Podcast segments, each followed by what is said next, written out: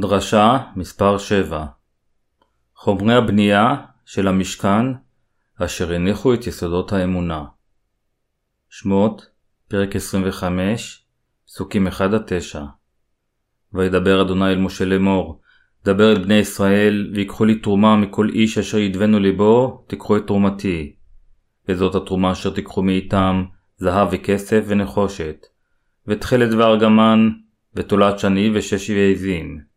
ואורות אלים מאדמים, ואורות חשים ועצי שיטים. שמן למאור, בסמים לשמן המשחה ולקטורת הסמים. אבני שוהם ואבני מילואים לאפות ולחושן. ועשו לי מקדש, ושכנתי בתוכם. ככל אשר אני מראה אותך, את תבנית המשכן ואת תבנית כל כליו, וכן תעשו. חיים אומללים בשיר, הנקרא מזמור החיים, הנרי וודוורס לונגפלו כתב אל תגיד לי בטון עצוב, החיים הם רק חלום ריק. בכל אופן, אם באמת תחשבו על זה, החיים של בן אנוש אכן מאוד אומללים. למרות שחיי כולם הסתיימו לשווא בחזרה לעפר, לאחר חיים בודדים וזמניים בשממת העולם, האדמה אינה היעד הסופי. בגלל החטאים, הסוף הסופי של חיי האדם יהיה סבל נורא ונצחי בגיהנום.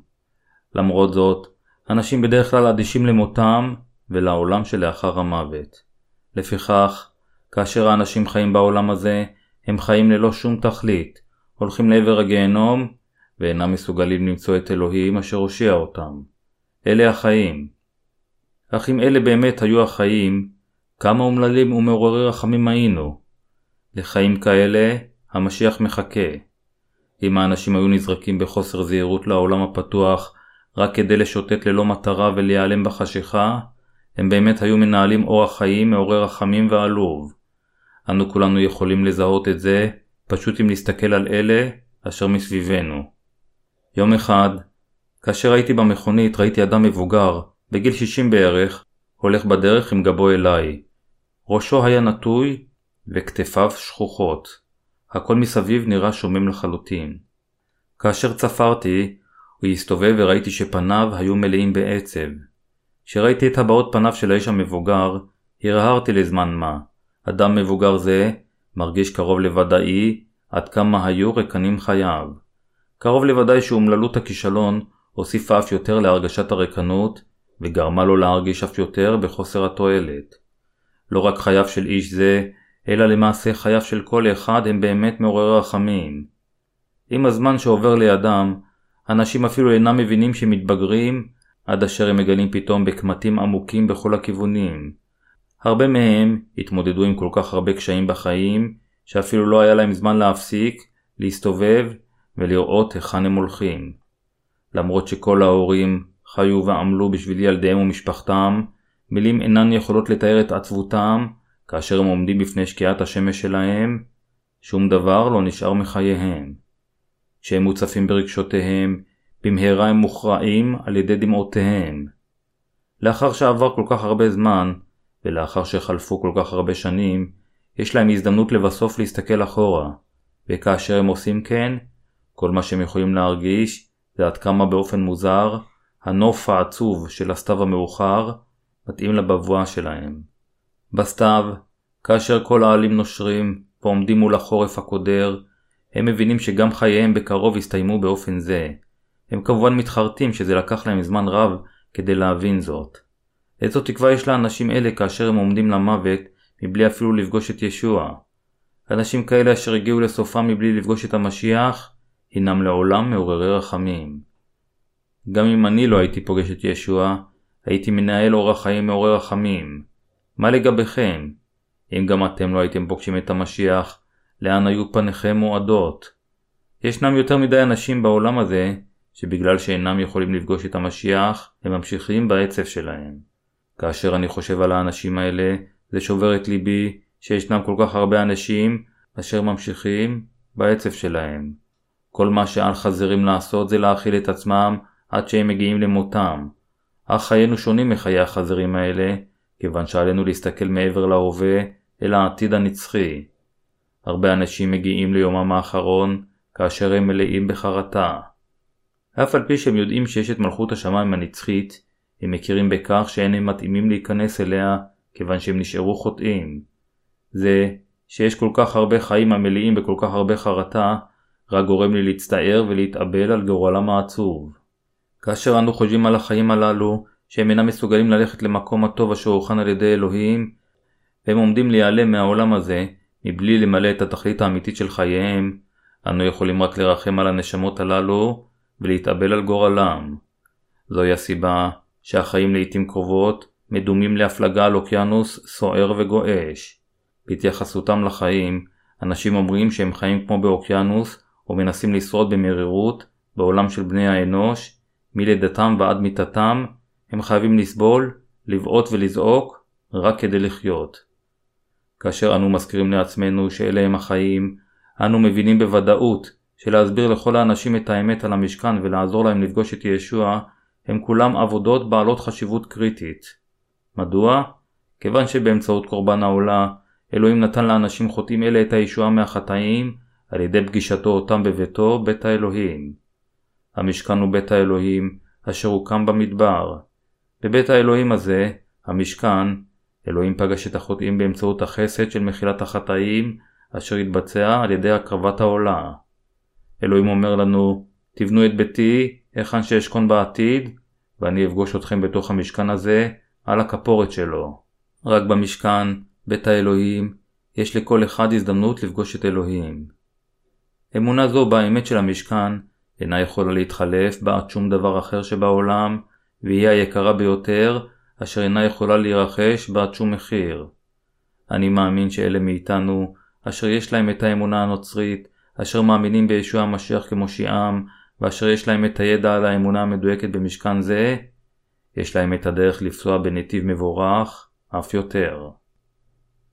אנו חיים את חיינו המבורכים. ליבי מלא במחשבות שמחות, ותוהה, האם יש מישהו אחר אשר חי חיים מבורכים שכאלה כמו שאנו חיים? למרות שחיים הם מציאות אומללה, הרבה אנשים ממשיכים בחייהם ומתעלמים מגורלם העצמי. אך אלוהים רוצה לגרום להם להכיר עד כמה היו חייהם עקשניים לפניו, ולגרום לליבם לחזור בתשובה. הם, מצד שני, עדיין מנסים לחיות את חייהם מבלי לשמוע את הבשורה אשר אלוהים נתן להם בחינם, ומבלי לפתוח אפילו רווח קטן ביותר בליבם. ספר שמות מספר לנו על עשרת המכות אשר אלוהים הביא על פרעה. סך הכל עשר מכות נפלו על ארץ מצרים. אלוהים ציווה על פרעה לשחרר את עמו החיים במצרים.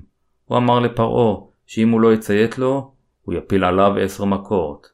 אך פרעה לא שמע למה שאלוהים אמר לו, התנגד בעקשנות לציווייו, וסופו היה שהוא קיבל את כל עשר המכות אשר אלוהים הבטיח. קשיי העורף של פרעה היה צעד מוטעה.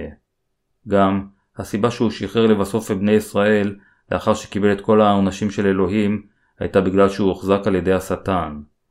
זה נוגע לעקשנות המוטעית הנמצאת בכל אחד מאיתנו בכל יום. בכל אופן, אנשים כאלה יכולים עדיין לקבל את מחילת החטאים אשר נקבעה על ידי אלוהים במשכנו ולחיות עמו באמונה. אך אנשים אלה הם כל כך קשיי עורף וממשיכים לדחות ולא להאמין באמת של אלוהים כמו עקשנותו של פרד. זוהי הסיבה שיש כל כך הרבה אנשים אשר נכשלו לפגוש את אלוהי האמת, חיים את חייהם כחוטאים, ולבסוף יעמדו מול חורבנם העצמי. זה מעציב אותי מאוד. יותר מדי אנשים עקשניים לפני אלוהים. כיוון שאנשים כאלה נסוגים לזמן מה, כאשר הם עומדים בפני קשיים, אך לאחר מכן חוזרים אחורה, בדיוק למקום אשר הם היו לפני כן, ודוחים את רצונו של אלוהים עוד פעם, ומחדשים את דרך עקשנותם, הם יעמדו מול המכה השנייה שלהם. עם המכה השנייה הזו, הם ישתפרו מעט, אך זה לא יהיה לאורך זמן, כיוון שהם יתחילו שוב לא לציית לאלוהים ולאתגר אותו. וכך, הם נידונים למכה השלישית, ולאחריה הרביעית, חמישית, שישית, שביעית, שמינית, והמכה התשיעית, עד אשר הם נכנעים, רק לאחר המכה האחרונה, ומושמדים. כאשר המכה העשירית מגיעה, יהיו הרבה אנשים אשר יישאו את הסבל של הגיהנום על שלא האמינו במה שהמשיח עשה למענם. עד כמה טיפשיים חייהם של אנשים אלה. זוהי הסיבה שהחיים של כולם כה מעוררי רחמים. למרות שחייהם של האנשים הם כה מעוררי רחמים לפני אלוהים, אתם חייבים להאמין שפגישת אלוהים במשכן הינה ברכה נפלאה בשבילכם, ולדבוק בדבר המשכן עם ההבנה הזו. התרומה אשר אלוהים דורש מאיתנו. אלוהים ציווה על משה לעלות על הר סיני, ונתן לו את כל סדרת תורתו. דבר ראשון, הוא נתן למשה את עשרת הדיברות. לא יהיה לך אלוהים אחרים על פניי, אל תיצור לך דמות ואל תשתחווה לה, לא תישא את שמי לשווא, זכור את יום השבת לקודשו, כבד את אביך ואת אמך, לא תרצח, לא תנאף, לא תגנוב, לא תעיד ברעך את שקר, לא תחמוד. בנוסף, אלוהים ציווה עליהם חוקים נוספים, אשר בני ישראל היו צריכים לשמור בחיי היומיום שלהם. בסך הכל היו 613 מצוות וחוקים של אלוהים. 613 מצוות אלה כיסו היבטים שונים, כמו מה לעשות כאשר בקר של מישהו נופל לבור, שגילוי עריות אסור, שאם יש להם עבדים לשחרר אותם בשנה השביעית, שאם הם נותנים למשרתת להתחתן עם עבד רווק ויש להם ילד, הם יכולים לשחררו בשנה השביעית, וכך הלאה וכך הלאה. אלוהים אמר למשה את כל החוקים המוסריים האלה, שעל בני ישראל לשמור באמונה מול אלוהים בחיי היומיום שלהם.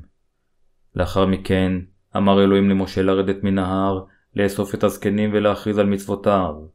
בני ישראל כולם הסכימו ונשבעו עם דמם, שהם יצייתו לכל מצוותיו. שמות, פרק 24, פסוקים 1-4. לאחר מכן, אלוהים קרא למשה אל ההר פעם נוספת, הפעם הזו כדי לצוות עליו לבנות את המשכן.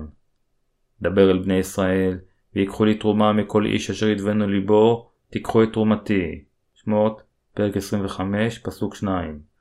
ואז הוא פירט את התרומה, וזאת התרומה אשר תיקחו מאיתם, זהב וכסף ונחושת, ותכלת וארגמן, ותולעת שני ושש ועזים, ואורות אלים מאדמים, ואורות חשים ועצי שיטים, שמן למאור, וסמים לשמן המשחה ולקטורת הסמים, אבני שוהם ואבני מילואים, לאפות ולחושן. שמות, פרק 25, פסוקים 3-7. הייתה תכלית ממשית לכך שאלוהים אמר להם לתת את התרומה הזו. התכלית לתרומה הזו הייתה לבנות על האדמה הזו את ביתו הזוהר של אלוהים, היכן שאין חטאים, והיכן שאלוהים שוכן, כך שהוא יפגוש את בני ישראל שם, ויעלים את חטאיהם. אין זה אומר, בכל אופן, שאלוהים אמר להם לתת כסף כדי לבנות ארמון הנצחה כמו הכנסיות של ימינו.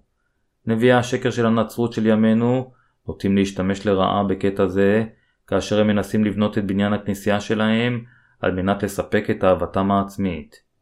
להפך, אלוהים אמר לבני ישראל לתת לו את התרומה הזו כדי שהוא יוכל להשתמש בה לבניית ביתו ולברך אותם שם בשפע.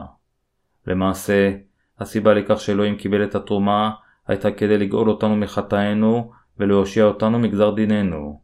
זה היה כדי שאלוהים בעצמו יפגוש אותנו, אנו אשר חיים חיים מעוררי רחמים, כדי לשטוף את חטאינו, כדי להעלים את חטאינו, וכדי לעשותנו לעמו. המשמעות הרוחנית הנסתרת בתרומה אשר אלוהים ציווה שתינתן לו. לפני שאנו ממשיכים הלאה, הבה נתעכב קצת בהתבוננות במשמעות הרוחנית בתרומה זו אשר אלוהים ציווה שתינתן לו. לאחר מכן, אנו נבחן את אמונתנו לאורה. זהב, כסף ונחושת. קודם כל, עלינו לגלות היכן השתמשו בזהב, כסף ונחושת. במשכן השתמשו בזהב בקודש, בקודש הקודשים, והפריטים אשר נמצאו בהם, כולל מנורת המאור, שולחן לחם הפנים, מזבח הקטורת, הכפורת וארון העדות. הזהב הוא האמונה בדבר האלוהים, והכסף הוא חסד הישועה. זה אומר לנו שחייבת להיות לנו אמונה המאמינה במתנת האמונה אשר ניתנה אך ורק על ידי המשיח, ואמונה אשר מאמינה שאדוננו לקח את כל חטאינו ונשפט למעננו. לעומת זאת, הנחושת שימשה לידני העמודים של המשכן, ליתדותיו, לכיור ולמזבח העולה. כל כלי הנחושת היו קבורים או מונחים בקרקע. כוונה בזה היא לדין על חטאי האנשים, והנחושת גם מראה לנו שאנו מיועדים להיות מורשעים על ידי אלוהים בגלל כישלוננו בשמירת התורה או בגלל חטאינו. מה אם כן המשמעות הרוחנית של הזהב, הכסף והנחושת? הם מייסדים את בסיס האמונה בקבלת מתנת הישועה אשר ניתנה על ידי אלוהים. התנ"ך אומר לנו שכולנו חוטאים אשר אינם מסוגלים לשמור את התורה במלואה ולכן אנו עומדים למות בגלל חטאינו, ובמקום מותנו, ישוע בא לעולם הזה, והורשע על חטאינו במקומנו, על ידי שהפך לקורבן החטא, אשר הועלה במשכן. כדי לפתור את בעיית חטאיהם, החוטאים הביאו למשכן חיה ללא פגם, בהתאם לשיטת ההקרבה, והעבירו את חטאיהם עליה, על ידי הנחת ידיהם על ראשה. לאחר מכן, קורבן העולה אשר קיבל את חטאיהם, שהפך את דמו ונהרג. בעשותם כן, בני ישראל אשר היו קשורים לגיהנום, נחושת, יכלו לקבל את מחילת חטאיהם, כסף, ולהימלט מהרשעה על חטאיהם, בעזרת האמונה. זהב. התכלת, הארגמן, חוט השני וחוטי הפשתן השזורים. הנה חומרים אחרים אשר השתמשו בהם באופן שכיח, תכלת, ארגמן, חוט שני וחוטי פשתן שזורים. חוטים אלה שימשו בשביל שער חצר המשכן, שער הקודש והפרוכת אשר חוצצת בין הקודש לקודש הקודשים. ארבעת חוטים אלה אומרים לנו את האמת בדיוק כפי שנחזתה בבראשית פרק 3 פסוק 15 שישי המשיח יופיע כבן אישה, אדוננו יבוא אל האדמה הזו ויושיע את החוטאים מחטאיהם על ידי שיתאבל ויצלב, ואלוהים זה בעצמו יושיע אותנו. ארבעת החוטים האלו שימשו לא רק בשביל שערי המשכן, אלא גם בשביל בגדי הכהן הגדול והכיסוי הראשון של המשכן. זו הייתה הבטחתו של אלוהים שישוע המשיח יבוא אל האדמה הזו ויושיע אותנו מחטאינו על ידי ביצוע העבודה של תכלת, ארגמן וחוט השני. ולמעשה, אדוננו שמר את הבטחתו ובאמת הושיע אותנו מכל חטאי העולם. הנקודה הקריטית החשובה ביותר בשער המשכן היא חוט התכלת. מדוע ישוע המשיח אשר בא אל האדמה הזו היה חייב למות על הצלב?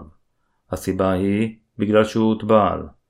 חוט התכלת מתייחס לטבילתו של ישוע, חוט הארגמן אומר לנו שישוע הוא המשיח, וחוט השני מתייחס לשפיכת דמו וצליבתו. התכלת, הארגמן, חוט השני וחוטי הפשתן השזוריים הינם חומרי הבנייה ההכרחיים אשר יוצרים את מתנת הישועה, אשר ישוע המשיח הביא לנו על ידי שבא אל הארץ כמשיח ולקח את כל החטאים על עצמו. הרבה אנשים בעולם הזה מדגישים רק שישוע המשיח הוא בן האלוהים והוא ביסודו אלוהים בעצמו. אך אלוהים אומר לנו בבירור שהוראה כזו אינה יכולה להיות כל האמת. פאולוס השליח אמר בראשונה לפטרוס פרק 3 פסוק 21 וזהו אות הטבילה אשר תושיע גם אותנו לא בהסיר טינוף הבשר כי אם בשאול לנו מאת האלוהים רוח שלמה על ידי הקמת ישוע המשיח. זה מראה לנו שישוע המשיח קיים את הבטחת הישועה שלו והניח את כל יסודות האמונה על טבילתו, האות אשר הושיע אותנו. מיהו המשיח שלנו?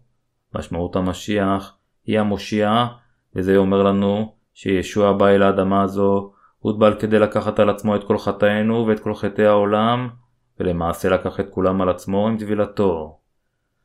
אלוהים אמר לבני ישראל לבנות את שער חצר המשכן על ידי שיהרגו אותו עם תכלת, ארגמן, חוט שני וחוטי פשתן שזוריים. והתכלית של אדוננו, שהוא מלך המלכים ואדוני השמיים, לבואו אל האדמה הזו בגוף אדם, הייתה להוציא לפועל את האמת של התכלת, הארגמן, חוט השני וחוטי הפשתן השזוריים. אדוננו בא בגוף אדם, וקיבל מיוחנן המטביל, נציגם של בני האדם, את הטבילה, אשר מילאה את כל צדקת האלוהים.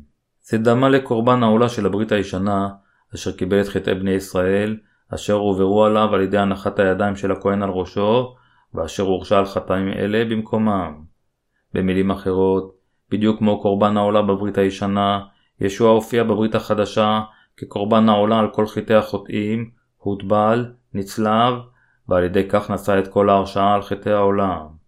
ישוע הוציא לפועל את האמת של חוט התכלת, על ידי שהוטבל על ידי יוחנן, כשה העולה של אלוהים.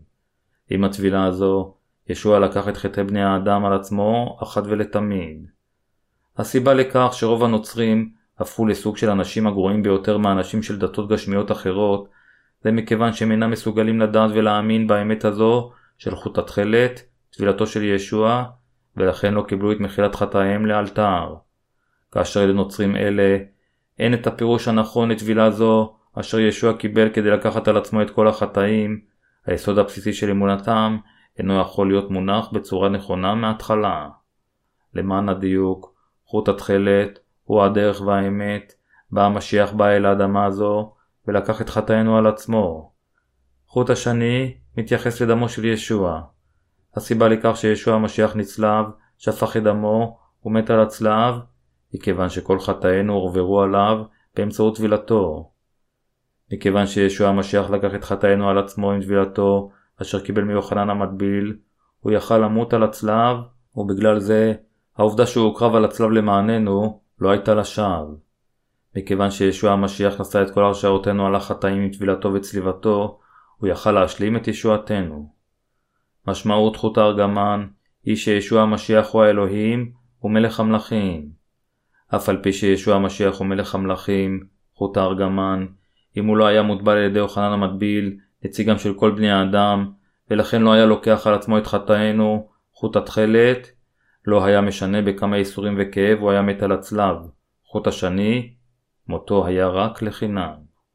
חוטי הפשתן השזורים אומרים לנו שדבר הנבואה אשר אלוהים אמר בברית הישנה, מתקיימת כולה בברית החדשה. הנצרות של היום איבדה את המשמעות של חוט התכלת. אך שיש נטייה בנצרות של היום להתעלם מחוט התכלת, אחד מארבעת השלבים, ולפרש באופן שרירותי את דבר האלוהים, כל אחד על פי דרכו. עושה חטא גדול זה, ללא ספק יורשעו. התכלת, הארגמן, חוט השני וחוטי הפשתן השזורים, אשר שימשו לשער חצר המשכן, מספרים לנו על אמת הישועה, שכדי להושיע אותנו מחטאינו, ישוע המשיח משיחנו, היה חייב לבוא אל האדמה הזו בגוף אדם, להתאבל ולהיצלב. ישוע לקח את כל חטאינו על עצמו. כיצד ישוע לקח את חטאינו על עצמו? הוא לקח אותם באמצעות הטבילה שהוא קיבל מיוחנן.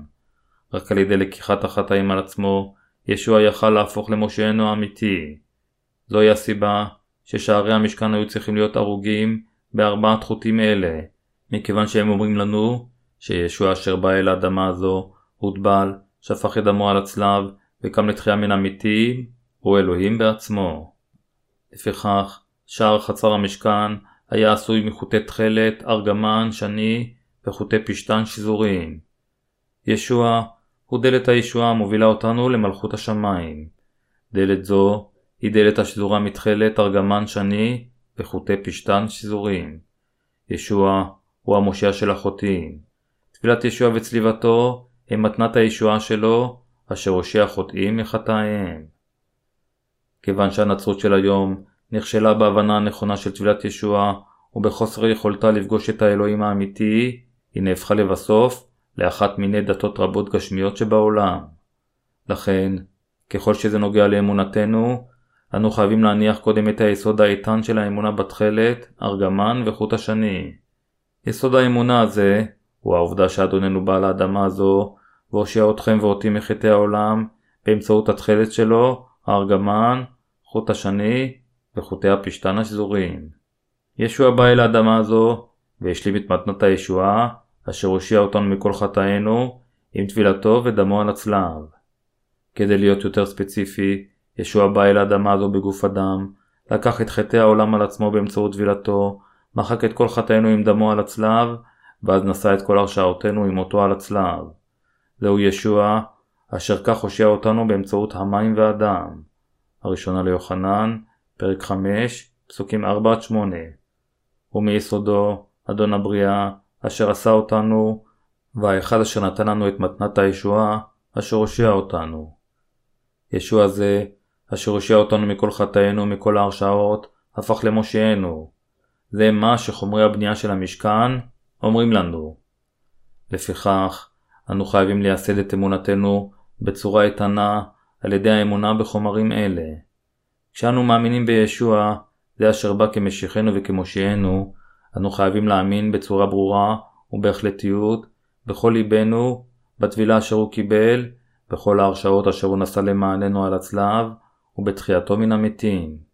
המושיע, אשר הביא לנו את מתנת הישועה מכל חטאינו, באמצעות טבילתו, והדם אשר הוא שפך על הצלב, היה לא רק אדם, אלא היה גם הבורא אשר ברא את כל בני האדם ואת כל היקום.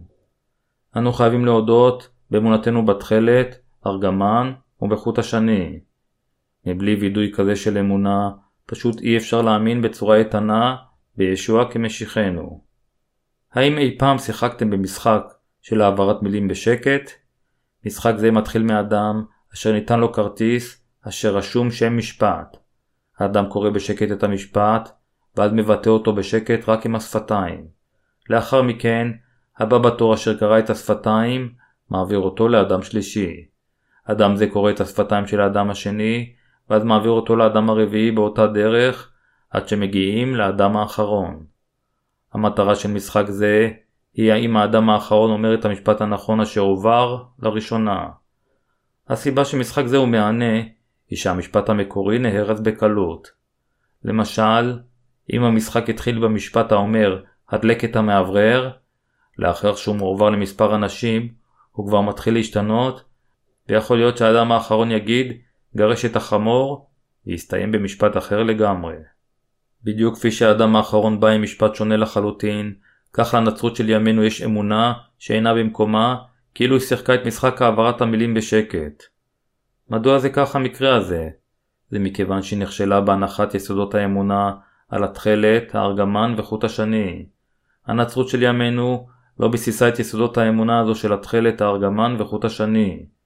כאשר יסודות האמונה הינם רעועות, לא משנה עד כמה בהתלהבות אנו מאמינים בישוע, ועד כמה אנו רוצים ליישם את הוראותיו על חיינו, אנו פשוט איננו יכולים לעשות זו. כאשר אלוהים אמר לבני ישראל להביא לו את תרומתו כדי לבנות את המשכן, הוא אמר להם קודם להביא זהב, כסף ונחושת, ולאחר מכן להביא חוטי תכלת, ארגמן ושני וחוטי פשתן שזוריים. כל חומרי הבניין הזה מראים לנו שישוע הושיע אותנו באמצעות הטבילה אשר הוא קיבל מיוחנן, דימומו למוות על הצלב ותחייתו. חוט התכלת לא שימש רק לכל שערי המשכן, אלא גם לחלוקו של הכהן הגדול ולפרוכת המשכן. זוהי הבשורה אשר אומרת לנו כיצד אדוננו בא לאדמה הזו וכיצד בדיוק הוא הושיע אתכם ואותי מחטאינו. כך, היא אומרת לנו, עד כמה חשובים הם ארבעת המרכיבים הבסיסיים האלה של האמונה, כלומר התכלת, הארגמן, חוט השני וחוטי הפשתן השזורים, באמת לאמונתנו. בהתבססות על הדבר הזה, אנו כולנו חייבים להניח את יסודות אמונתנו בצורה איתנה. רק אז, אנו נוכל להאמין באלוהים ולקבל את מחילת חטאינו ולהפוך למשרתיו אשר מפיצים את דברו לאחר מכן, וכאשר ישוע יחזור, להפוך על ידי כך לאנשי אמונה כאלה, אשר יכולים לעמוד בביטחון לפני אלוהים עם אמונה זו. זה נכון שבקוריאה יש עדיין מתרפסים אשר מחשיבים כל דבר זר כדבר טוב יותר. נטייה זו נפוצה גם בקרב התיאולוגים אשר בארצי, אשר נותנים אמון גדול במה שתיאולוגים מערבים אמרו, ומסתמכים על דבריהם יותר מאשר על דבר האלוהים. עליהם להיגאל מבערותם, ועליהם באמת להאמין בדבר האלוהים, לפתוח ולהתעלות בו.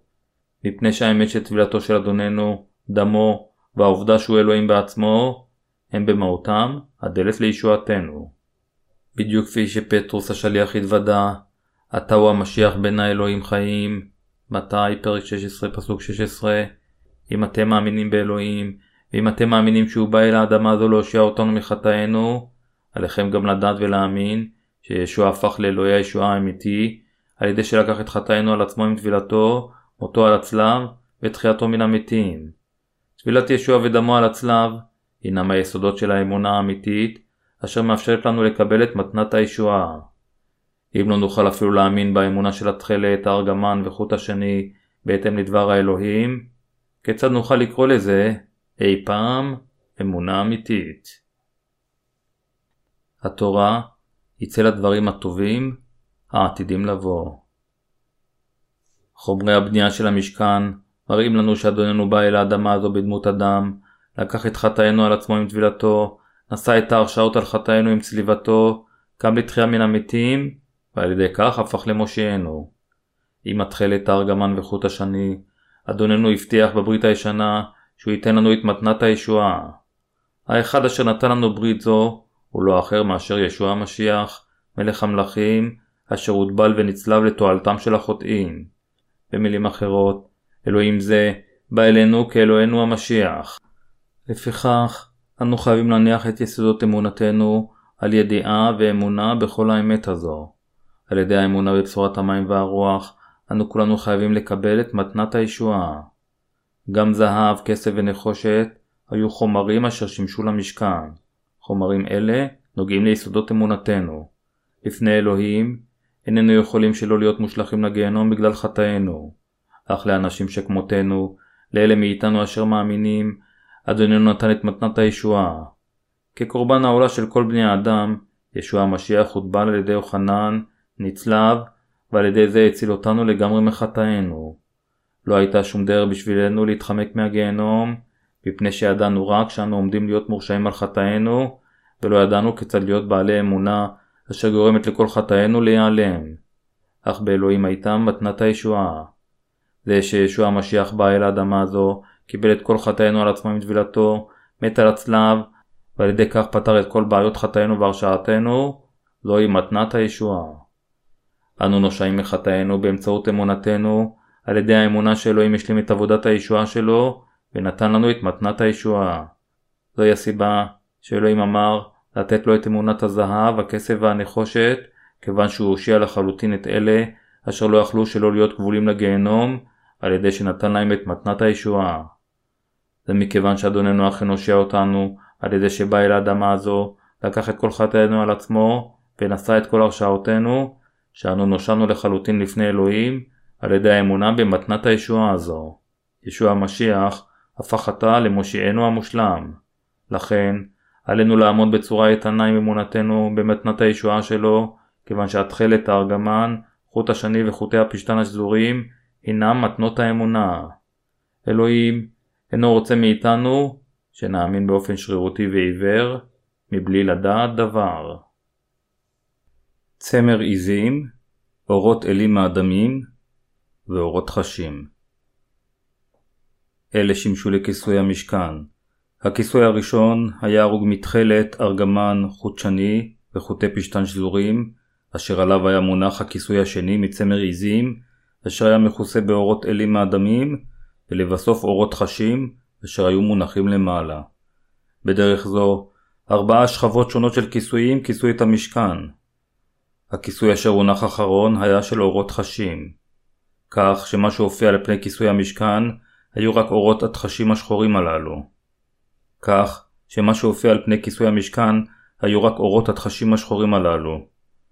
תחש הוא יונק ימי, גודל אורו הוא בערך בגודל של אדם או מעט קטן יותר, והאור הוא חסין מים. זוהי הסיבה שאורות התחש שימשו כשכבה הראשונה של המשכן. בגלל זה, מראהו החיצוני של המשכן היה לו מרשים כמעה, וללא ספק לא היה מראה נחמד, אשר היה אפשר להסתכל עליו. זה אומר לנו שכאשר ישוע המשיח בא אל האדמה הזו בשבילנו, הוא בא באמת בדמות ענבה כזו, וללא שום דבר רצוי בהופעתו. אורות אלים מאדמים אומרים לנו שישוע המשיח יבוא אל האדמה הזו ויוקרב לטובתנו. בעוד שצמר העזים אומר לנו שהוא יושיע אותנו על ידי שיוטבל כקורבן העולה שלנו, ועל ידי זה שיוקרב על הצלב, יקבל את חטאינו על עצמו. החומרים של כיסויי המשכן האלה במילים אחרות, הינם היסודות של אמונתנו. אמת זו הינה חומרי הבנייה של האמונה, אשר בהחלט אינם יכולים להיעדר. כדי לתת לנו את מתנת הישועה, ישוע המשיח בא אל האדמה הזו כקורבן העולה. בברית הישנה, אלוהים יסד את שיטת ההקרבה למען מחילת חטאיהם של בני ישראל.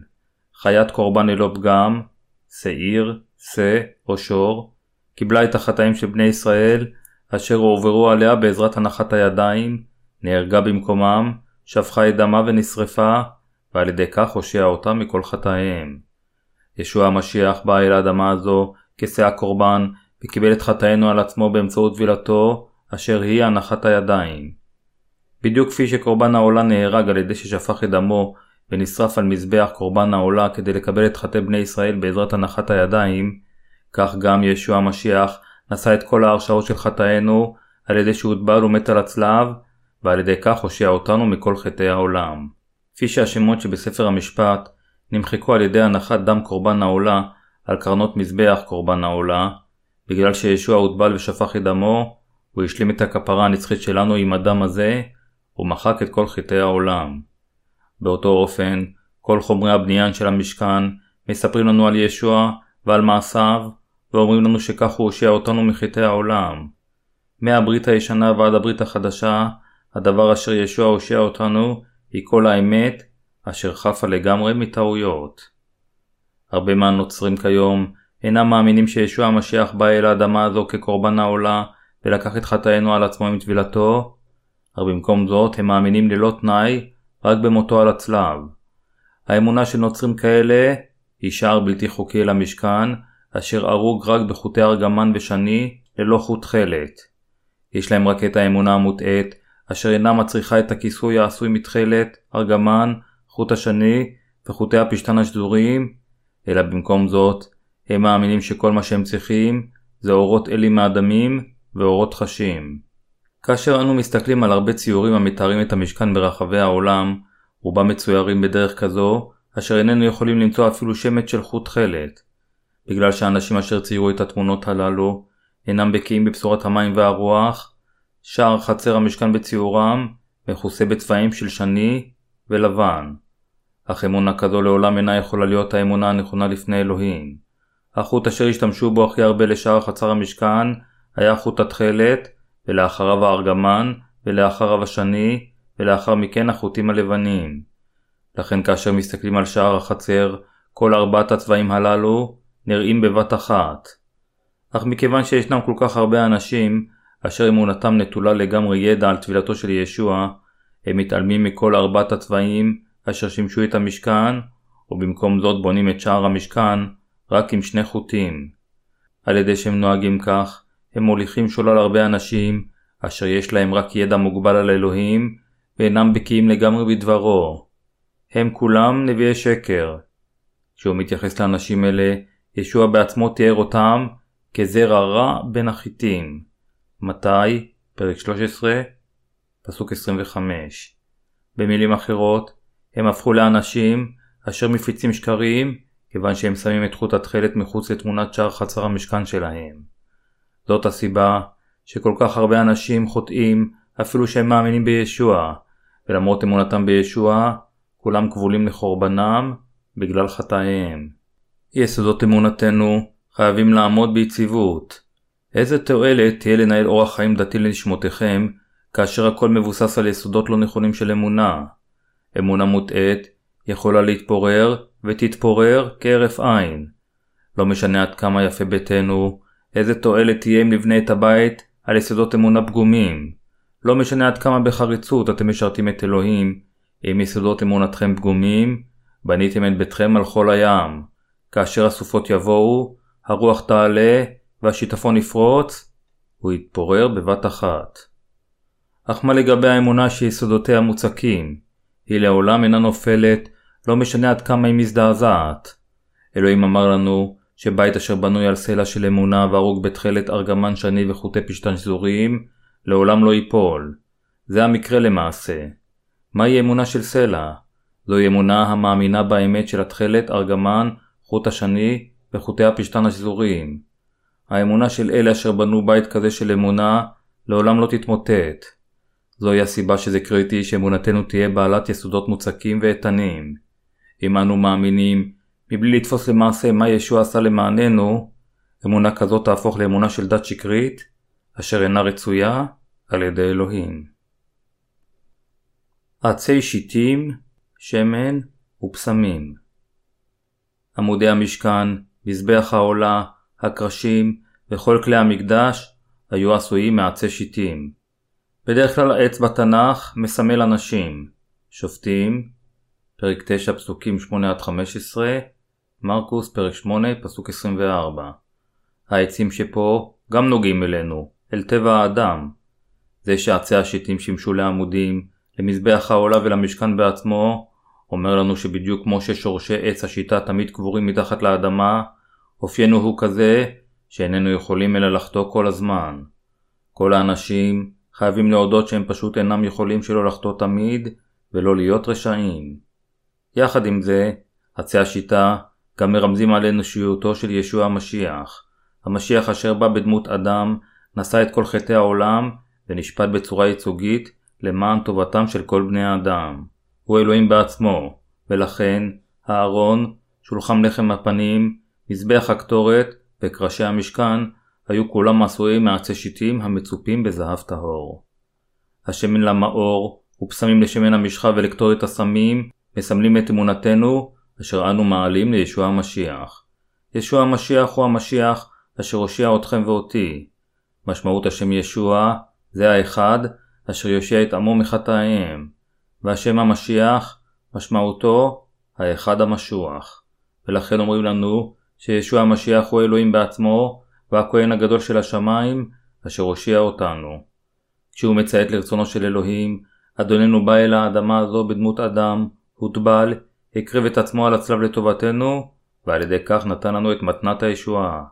תפקידו של הכהן הגדול אשר נלקח על ידי ישוע, ואשר נתן לנו את ישועתנו, היה באמת עיסוק נפלא ביותר. אבני שוהם ואבני מילואים לאפוד ולחושן. תריסר אבנים שונות אשר הושמו באפוד ובחושן של הכהן הגדול מוזכרות פה. הכהן לבש קודם חלוק, לאחר מכן מעיל תכלת, ואז לבש את האפוד על המעיל. לאחר מכן, החושן נמצא על האפוד, אשר הולבש בזמן טקס ההקרבה, ועל החושן הזה קובעו תריסר אבנים יקרות. זה מראה לנו שתפקידו של הכהן הגדול היה לאמץ לחיקו את כל בני ישראל, כמו את שאר האנשים האחרים בעולם, ללכת לפני האלוהים ולתת לו את קורבן העולה שלהם. גם ישוע, הכהן הגדול הנצחי של השמיים, אימץ את כל אומות העולם לחיקו, נתן את גופו כדי לקחת את חטאינו על עצמו עם טבילתו, הוקרב למעננו, ועל ידי כך קידש את עמו לאלוהים האב. תריסר האבנים היקרות אשר נמצאו על החושן, מסמלות את כל האומות של העולם הזה, והכהן הגדול אשר לבש אותם, התייחס לישוע המשיח, אשר באופן דומה הושיע ואימץ לחיקו את כל אומות העולם. זאת הייתה התרומה אשר אלוהים אמר לבני ישראל לתת כדי לבנות את המשכן בשבילו. ישנה משמעות רוחנית לעובדה שאלוהים אמר להם לבנות את המשכן, המקום בו הוא שכן, עם תרומה זו. בני ישראל תמיד נשארו חוטאים, כיוון שהם לא יכלו לשמור את התורה אשר אלוהים נתן להם.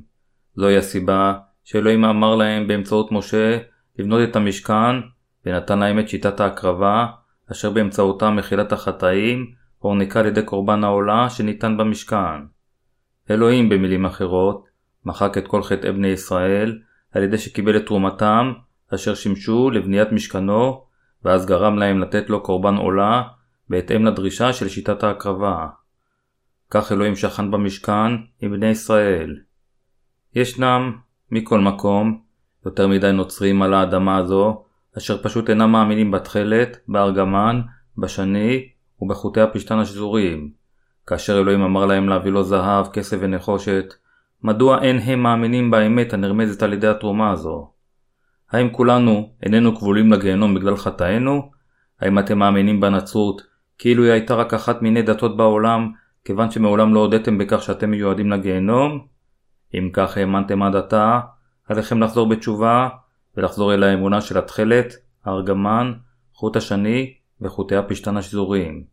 אינכם חייבים להבין שלפי מצוותיו הקפדניות של אלוהים, אתם מלאים בחטאים וכבולים לגיהנום בגלל חטאים אלה, ואינכם גם חייבים להאמין בבשורת המים והרוח. עתה, אתם חייבים להאמין בבשורת האמת, שאף על פי שהייתם כרוכים לגיהנום, אדוננו בכל זאת בא אל האדמה הזו כמשיח, קיבל על עצמו את חטאיכם עם טבילתו, נשא חטאים אלה אל הצלב, והקריב את עצמו על ידי ששפך את דמו עליו, ועל ידי כך הושיע אתכם ואותי מכל חטאינו ומהרשעותינו. בלי האמונה בבשורת המים והרוח, אשר נראית בתכלת, ארגמן ובחוט השני, לעולם לא נוכל להניח את יסודות אמונתנו לגמרי. אנו חייבים לחשוב על יסודות אמונתנו. אלוהים אומר לנו להיות בעלי אמונה בתכלת, בארגמן ובחוט השני. עלינו לשאול את עצמנו, האם באמת יש לנו את האמונה הזו של התכלת, הארגמן וחוט השני, או שמא אנו מאמינים באמת, אשר נראית רק בארגמן ובשני, ומשמיטים את חוט התכלת. עלינו להסתכל על עצמנו, האם אנו לוקחים או לא לוקחים אל אלוהים את סוג האמונה המוטעה, אשר מתאים רק לטעמנו. כאשר אלוהים אומר לנו להביא לו את התכלת, הארגמן וחוט השני, האם אנו לא נותנים לו בשום מקרה חוט ניילון הצבוע שחור? אלוהים, נראה שהחוט אשר ביקשת הוא חסר תועלת למשכן, הוא נרקב בגשם, וזה גם מאוד מעייף לחפש אותו ולהביא אותו כל הדרך לכאן. נעשה במקום זה את חוט הניילון הזה. אני מבטיח לך שאם תחזק אותו היטב, הוא יחזיק מעמד לפחות 50 שנה או אפילו 100 שנה. ואפילו אם תגבור אותו באדמה, הוא לא יירקב אפילו במשך 200 שנה. האם זה לא נפלא? האם זה לא בשום מקרה מה שאנו אומרים לאלוהים? אנו חייבים גם להסתכל היטב בעצמנו ולשקול האם אנו באמת לא לוקחים אמונה תפלה ונרקסיסטית כזו לאלוהים. אם יש לנו אמונה כזו, אנו חייבים לחזור עכשיו בתשובה. אנו חייבים, במילים אחרות, לפנות אחורה. ישנם הרבה מאיתנו אשר חושבים לעצמם שהם באמת נוצרים טובים, אך במבט קרוב חשיבתם מוטעית, וכך גם אמונתם. מיסטיקה הנפוצה בנצרות של ימינו מיסטיקה זה דבר שבדרך כלל הנוצרים מאמינים בו הכי הרבה. לאנשים אין מושג מה דבר האלוהים אומר למעשה. כיוון שהם אינם יודעים את דבר האמת שהמשיח נתן להם, הם מאמינים והולכים אחר ישוע בהתאם לתחושתם העצמית ורגשותיהם, והם משוכנעים שתחושות אלה הם של אמת. כיוון שהם מתפללים לאלוהים בלהט עצמי, הולכים בנאמנות אחר רגשותיהם, ומאמינים בתחושות שבתפילותיהם, הם אינם יכולים להבחין באמת מהי האמונה האמיתית באלוהים. באופן זה, האמונה באלוהים, בהתאם למחשבותיו ותחושותיו של האדם, אשר עולה ויורדת באופן לא יציב, במידה נרחבת ממחשבותיו של האדם, היא אמונה של מיסטיקה. אנשים המאמינים באלוהים, כשהם מובלים על ידי תחושותיהם כאשר הם צמים, כאשר הם מהללים, כאשר הם מאמינים, כאשר הם מתפללים בשעת בוקר מוקדמת, כאשר הם עולים אל הר כדי להתפלל, כאשר הם חוטאים, כאשר הם מתפללים תפילות תשובה וכך הלאה וכך הלאה, אנשים כאלה הם כולם מיסטיקנים. במילים אחרות, לחיות חיי אמונה המכילים את רגשותיו של האדם, היא אינה אמונה של התכלת, הארגמן וחוט השני, אשר המשיח דיבר עליה. קרוב לוודאי ש-99.9% מהנוצרים של היום היו בעבר מיסטיקנים. אין זו הגזמה במילים אחרות, להגיד שחוץ מהכנסייה הקדומה, כל העולם הנוצרי הלך אחרי המיסטיקה. אלה אשר אין להם את האמונה של התכלת, הארגמן וחוט השני, מולכים שולל על ידי המחשבה שתחושתם העצמית היא איכשהו אמונה בעצמה. הם טוענים שהם ראו ופגשו את אלוהים בתפילותיהם, ואומרים לנו עד כמה נפלא הם מרגישים כאשר הם מהללים אותו. הם אומרים, אנו התאספנו בכנס ההלל הזה, והרמנו את ידינו למעלה, וביחד חזרנו בתשובה מחטאינו. החזקנו בצלב וביצענו איזשהו טקס לרגליו. ואז לב כולנו זהר, והמשיח הפך לאהוב כל כך. הרגשנו בלבנו הודיה כה רבה על הדם אשר המשיח שפך. האמנו אף יותר בלהט שישוע שטף את חטאינו, והבנו אף יותר מדוע הוא שפך את דמו. פשוט אהבנו את כל החוויה הזו. אך, כאשר רגשותיהם נרגעים יום אחד, הם אומרים, אך כל ההרגשות התקהו ויש לנו חטא בלבנו. מה, אם לא אמונה זו, היא אמונה של מיסטיקה. בלי קשר לזרם שהאדם משתייך אליו, או להבדלים של הכתות, כל נוצרי צריך את האמונה המאמינה באמת של התכלת, הארגמן וחוט השני. האמונה של כל אלה, אשר אין להם את האמונה של התכלת, הארגמן וחוט השני, אשר אלוהים דיבר, הינה מיסטית ואמונה תפלה. אנשים אלה נותנים לאלוהים לא את האמונה של התכלת, הארגמן וחוט השני, אלא אמונה של חוט ניילון. הם נותנים לאלוהים את אמונתם המיסטית. במילים אחרות, משהו שאינו מספיק במידה ניכרת, משהו שאלוהים אפילו לא מסתכל עליו. האם אי פעם ראיתם חבל עבה המשמש לקשירת סירות אל המזח? המיסטיקנים יציעו בשמחה לאלוהים סוג כזה של חומר. כאשר אדוננו אומר לנו להביא את התכלת, הארגמן, חוט השני וחוטי הפשתן השזוריים, יש אנשים אשר לוקחים את החבל העבה הזה אל אלוהים ואומרים לו, אלוהים, קבל אמונה זו. ויש אנשים אשר מביאים לו אפילו שרשרת ברזל המשמשת לקשירת סירות גדולות אחת לשנייה ולרציף. כשהם מגלגלים חבילה של שרשראות ברזל עבות, הם מעלים את זה לרגלי אלוהים כדי שיקבל את זה.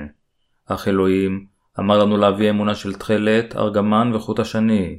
הוא לא אמר לנו לתת לו שרשראות ברזל, אך עדיין אנשים נותנים לו מה שנראה להם טוב בעיניהם, או מה שיותר נוח להם למצוא. למרות שיש אנשים אשר באים לאלוהים עם שרשרות ברזל, חבלים, חוט ניילון, או אפילו סרחי גפנים, אלוהים למעשה מקבל רק את התרומה של התכלת, הארגמן וחוט השני. אלוהים קבע שהאמונה היחידה שהוא יקבל לפניו היא האמונה של התכלת, הארגמן וחוט השני.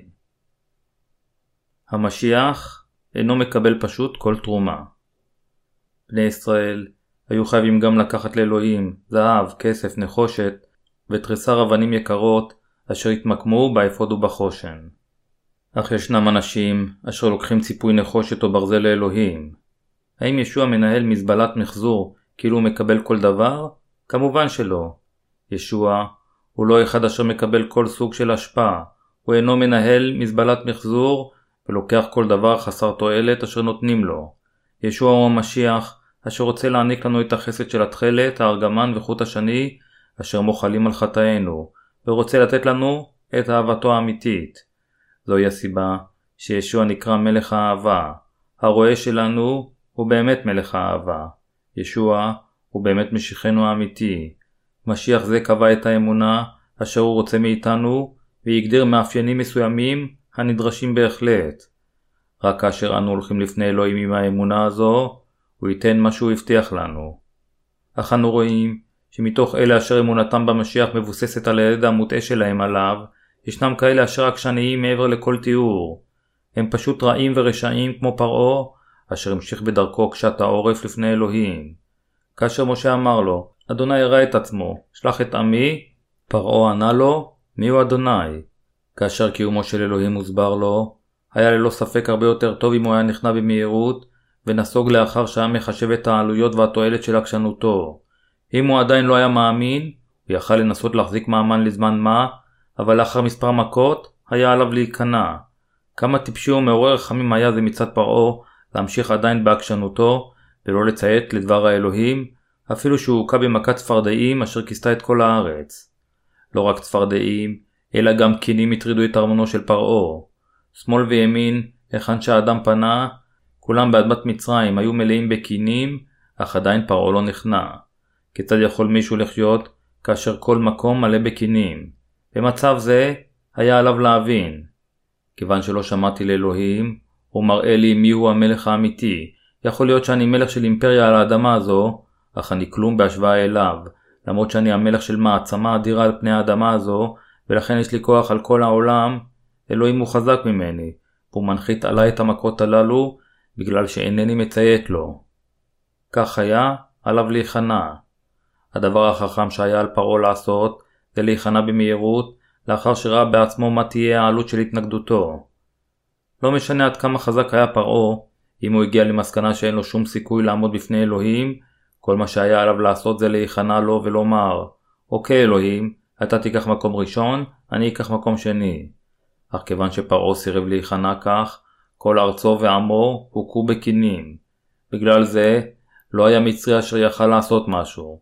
כאשר כולם סבלו כל כך על ידי הקינים, כיצד יכל מישהו לעשות משהו אחר, מלבד לנסות להיפטר מהקינים? כולנו יכולים לדמיין את המצרים המסכנים האלה, רצים מסביב עם לפידים, ומנסים להיפטר מהקינים. ייתכן שאפילו שרפו את ביתם בתהליך זה, והצחנה של הקינים השרופות מילאה את הכפרים. ישנם דברים אשר אדם יכול לעשות, וישנם דברים אשר אדם אינו יכול לעשות. כיוון שאלוהים הוא אדוני היקום, הוא האלוהים אשר מנהל את החיים ואת המוות, את השמחה ואת העצב, את הברכות ואת הקללות, כאשר זה המקרה, במקום לפתוח בעצמנו ולנסות לעמוד בפני אלוהים, כולנו חייבים לחשוב בצורה רציונלית ולהגיע למסקנה ההגיונית לנטוש את עקשנותנו. בין עצמנו, ייתכן שנתעקש על דרכנו וננסה לגבור על אחרים, אך כאשר אנו מתעסקים עם המשיח, זה אינו בר ביצוע. אנו חייבים לחשוב איזה סוג של אדם עלינו באמת להיות לפני אלוהים. אנו חייבים לשקול ברצינות האם עלינו לעמוד נגד אלוהים, או האם ליבנו יהיה באמת רך וכנוע. ואנו חייבים להגיע למסקנה המוחלטת שאנו כולנו חייבים להיות כנועים לפני אלוהים. לפני בני אדם, יכול להיות שנחזיק בעקשנותנו כאשר השעה מחייבת, אך לפני אלוהים, ליבנו חייב להיות כנוע לחלוטין.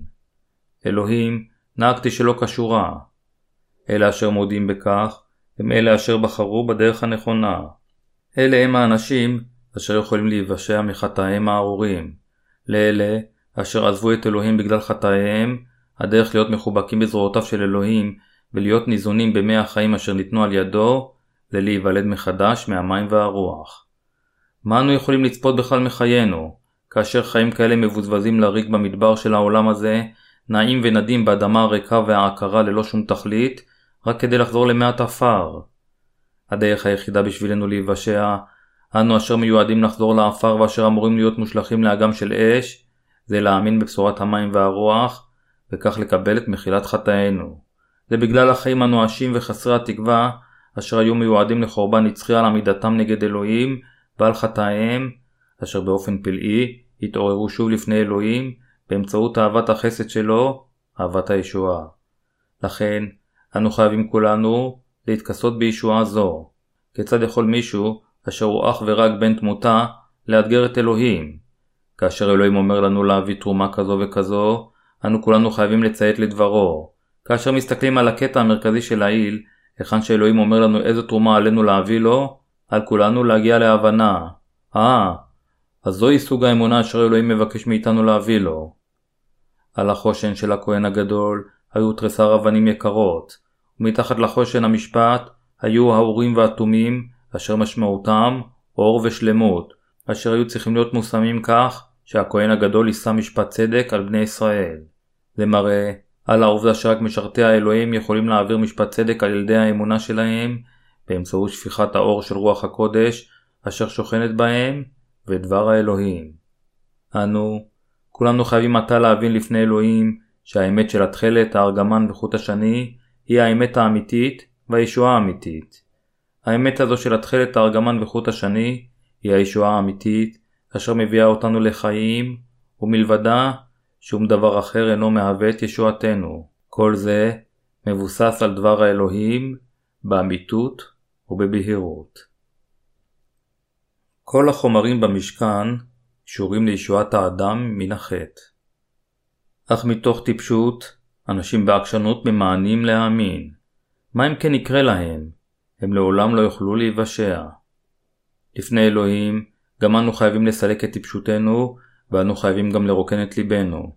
אנו חייבים לסלק את מחשבותינו העצמיות ואת התעקשותנו לפני אלוהים, ובמקום זאת, להישמע לדברו ולתת לו את ליבנו. אל לנו לעולם לעמוד נגד אלוהים ולהתעקש על דרכנו המרדניות. יכול להיות שאנו יכולים לעשות זאת לפני אנשים אחרים, אך כנוצרים איננו יכולים לעשות זאת לפני אלוהים. אך עדיין, אנשים טיפשים עומדים נגד אלוהים ונכנעים רק בפני בני אדם. זה מה שמוטעה אצלם. אנו חייבים לזרוק את עצמנו ולהשתטח על פנינו בפני אלוהים ולהודות בכך שכל מה שאלוהים דיבר אלינו היה צודק. אנו חייבים להאמין ולפתוח בדבר התכלת, הארגמן וחוט השני. אמונה זה לפתוח בדבר אלוהים. כאשר אנו זורקים את עצמנו לרגלי אלוהים, מתוודים על כל מה שהרגזנו אותו לפניו, וקוראים לו ומבקשים את עזרתו, אלוהים ללא ספק יענה לנו. לאחר מכן, עלינו לקבל בתודה את כל מה שהוא עשה למעננו. זוהי אמונה.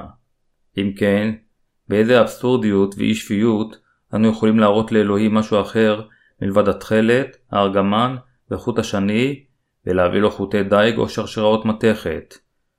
להביא משהו חסר תועלת לפני אלוהים, ולומר לו, זוהי אמונתי, זוהי הדרך אשר האמנתי בה בחוזקה, זוהי האמונה האיתנה אשר שמרתי במיוחד, זו פשוט לא אמונה, אלא זה לעשות מעצמנו טיפשים לפני אלוהים.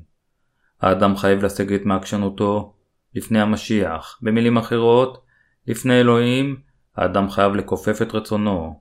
אנו חייבים כולנו להכיר את עצמנו לפני אלוהים. עלינו להכיר על פי מה שאלוהים אמר לנו ועל פי מה שהוא החליט בשבילנו.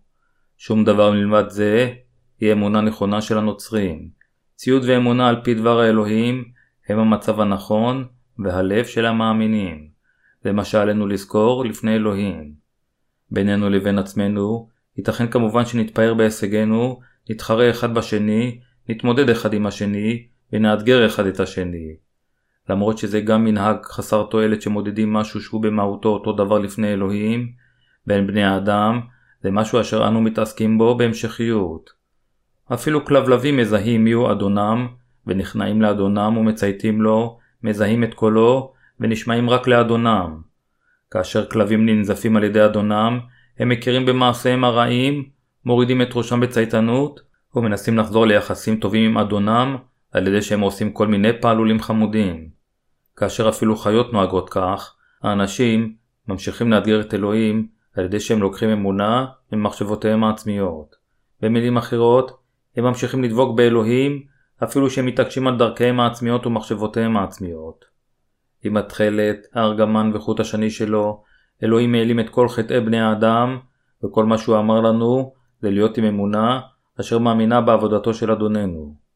אך אנשים עדיין נשארים עקשניים ומאתגרים את אלוהים. ישוע אמר לנו להביא אליו את כל חטאינו, ועל ידי שהוא גרם להם להיעלם עם התכלת, הארגמן וחוט השני, הוא נתן לנו את מחילת החטאים. כאשר אלוהים אמר לנו לתת לו את האמונה של התכלת, הארגמן וחוט השני, האנשים עדיין אינם מאמינים בכך, והם מתריסים כנגד אדונם. אנשים אלה יקוללו. כאשר הם נותנים למשיח לא רק את האמונה אשר הוא רוצה מהם, אלא את האמונה אשר הוא אינו רוצה, הוא רק יכול לכעוס. הם ממשיכים בעקשנותם לפני אלוהים ואומרים לו, שמרתי את אמונתי היטב עד עתה, שבח אותי על העבודה אשר נעשתה היטב. האם אלוהים משבח אותם רק מכיוון שהם שמרו את אמונתם, בעוד שלמעשה אמונה זו הייתה פשוט חסרת תועלת כל הזמן הזה? ייתכן שישנם פעמים שהעקשנות נדרשת בחיינו, אך העקשנות של אמונה מוטעית היא חסרת תועלת לחלוטין לפני אלוהים. אלוהים השתמש בתכלת, ארגמן וחוט השני כדי להעלים את חטאינו.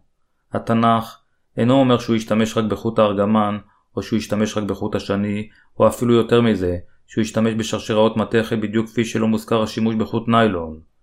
בתוך בית האלוהים, ומתוך תורת הישועה אשר ניתנה לנו, המשיח דרש מאיתנו את האמונה של התכלת, הארגמן וחוט השני.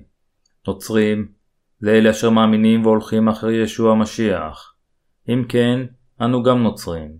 בכל אופן, ישנם כל כך הרבה אנשים אשר לא נולדו מחדש, למרות שהם מאמינים בישוע כמושיעם, אשר לא קיבלו את מחילת החטאים, ואשר אין להם את האמונה של התכלת, הארגמן וחוט השני, הם רק לכאורה נוצרים, אשר מיועדים ללכת לגיהנום, כיוון שהם מאמינים על פי דרכם העצמית. מכיוון שהם רק דתיים ולא נוצרים אמיתיים, אלוהים ינטוש את האנשים האלה. לפחות לפני אלוהים, אנו כולנו חייבים להיות כנים ולהכיר את עצמנו כפי שאנחנו. כל רגע, כל דקה ושנייה, אנו חייבים להתוודות שאנו יועדנו לגיהנום בגלל חטאינו. לפני המשיח, לכולנו חייבת להיות האמונה של התכלת, הארגמן וחוט השני. להאמין כך, זהו הדבר הנכון לעשותו. בכל פעם שאנו מתוודים, אנו חייבים להזכיר לעצמנו מה המשיח עשה למעננו, שהוא הוטבל כדי לגאולנו מהחטאים, ונשפט על חטאינו עם צליבתו, ולהכיר את ישועתנו כל פעם. זוהי האמונה שאלוהים דורש מאיתנו. לעולם לא נוכל להשביע את רצון האלוהים, אלא אם כן נעשה בדיוק כפי שהמשיח רוצה מאיתנו שנעשה. מדוע? כיוון שהוא נעשה למושענו המושלם באמצעות התכלת, הארגמן וחוט השני שלו. עלינו להאמין בכל רגע במה שאלוהים עשה למעננו. כיוון שהאמונה של התכלת, הארגמן וחוט השני היא האמת, אנו צריכים אותה אף יותר למחילת חטאינו, אשר אנו בעצמנו עושים כל יום. האם אלוהים יהיה שבע רצון אם ניתן לו תוצר של מאמץ עצמי? אם היינו נותנים לאלוהים דברים גשמיים, לא רק שהיינו מעלים את חמת אפו של אלוהים עלינו, אלא גם היינו עושים חטא גדול של הצבת אתגר נגדו. אמונה כזו היא בוגדנית, כיוון שהיא עומדת נגד אלוהים. שום דבר בעולם הזה, לא חשוב עד כמה נפלא הוא ויקר, לעולם לא יכול להשביע את רצון האלוהים. נתינה לאלוהים חומרים כאלה של העולם, היא לעולם לא יכולה להיות האמונה הנכונה אשר צוותה על ידי אלוהים. לא משנה עד כמה הם יהיו טובים במושגים של העולם, אלוהים אינו מקבל סוג של חומרים כאלה. חייבת להיות לנו האמונה אשר אלוהים באמת רוצה מאיתנו, ולתת לו את האמונה הזו. אמונתנו צריכה להיות כזו המאמינה בדבר האלוהים כפי שהוא, כזו אשר לוקחת בדיוק את התרומה אשר אלוהים ביקש מאיתנו. כל אותו זמן, עם כל רגע שעובר, אנו חייבים גם להכיר במה שאלוהים עשה למעננו, ועלינו גם להודות בחוסר מושלמותנו וחולשותנו. אנו חייבים לזכור את הברכות השופעות אשר אלוהים העניק לנו, ועלינו לדעת בדיוק ולהאמין במה שהוא עשה למעננו, ושהוא מוכן לפגוש אותנו. אנו חייבים להשליך את כל האמונה המיסטית, וחייבת להיות לנו רק האמונה המאמינה בדבר אשר נאמר על ידי אלוהים. התרומה של אמונה זו היא מה שעלינו לתת לפני אלוהים. רק כאשר אנו נותנים לאלוהים את התרומה של האמונה הנכונה, הוא יהיה שבע רצון, יפגוש אותנו ויקבל את אמונתנו. כאשר אנו נוהגים כך, אלוהים נותן לנו את הברכות, אשר הוא קבע והכין בשבילנו. כאשר אנו שוכנים בדבר, עלינו להתבונן, מהי האמונה שאלוהים באמת רוצה מאיתנו? איזה סוגי תפילות הם תפילות אשר הוא רוצה? אנו נבין אם כן שהתפילות אשר אלוהים רוצה מאיתנו הם תפילות מתוך אמונה. אדוננו רוצה מאיתנו את התפילות אשר עולות עם האמונה של התכלת, הארגמן וחוט השני, מתוך האמונה אשר התקבלה ממה שאלוהים נתן לנו. כל מה שאלוהים רוצה מאיתנו היא תפילת ההודיה הזו מתוך אמונה. הוא לעולם לא יקבל שום דבר ממה שהכנו בעצמנו ואשר אנו מנסים לתת לו או להשאיר לרגליו. אנו כולנו חייבים להבין שאל לנו לעשות זאת. אלוהים אומר לנו, לא, לא, זאת לא האמונה אשר אני רוצה מכם. הוטבלתי ונצלבתי למענכם. קיבלתי את הטבילה כדי להעלים את כל חטאיכם, מכיוון שהיה עליי לקחת את חטאיכם על עצמי, לפני שנשפטתי על חטאיכם ומטתי על הצלב. אני מושיעכם, אני גם אלוהיכם, אני מלך המלכים, אך מכיוון שאני גם אלוהיכם, באתי אל האדמה הזו וביצעתי את הכל. אני רוצה שתאמינו בי באמת, שתכירו בלבכם בסמכותי, ושתודו בלב שלם שאני אלוהיכם האמיתי. למטרה זו, אלוהים נתן לנו את התכלת, הארגמן, חוט השני, ואת חוטי הפשתן השזוריים. זוהי האמונה אשר אלוהים דורש מאיתנו. האמונה הזו של התכלת, הארגמן וחוט השני באמת חייבת להיות לנו. ייתכן שתחשבו לעצמכם. ובכן, עדיין אפשר לחיות עם זה, אני עדיין בסדר, והדברים מתנהלים כמו שצריך. אם זה לא שבור, מדוע לתקן את זה? מדוע עליי להאמין בדיוק בדרך זו? בין אם אני מאמין בדרך הזו או ההיא, האם הן לא כולם אותו דבר? לא, הם לא אותו דבר. אם יש לכם בלבכם אמונה אחרת מהאמונה הזו, אם כן, בהחלט לא נושעתם. כיוון שבלב כזה עדיין נמצא חטא, עליכם להפנות את לבכם ולחזור לאמונה אשר מאמינה באמת בבשורת המים והרוח. ליבם של אלה אשר מאמינים בבשורה האמיתית, וליבם של אלה אשר לא, שונים מיסודם אחד מהשני.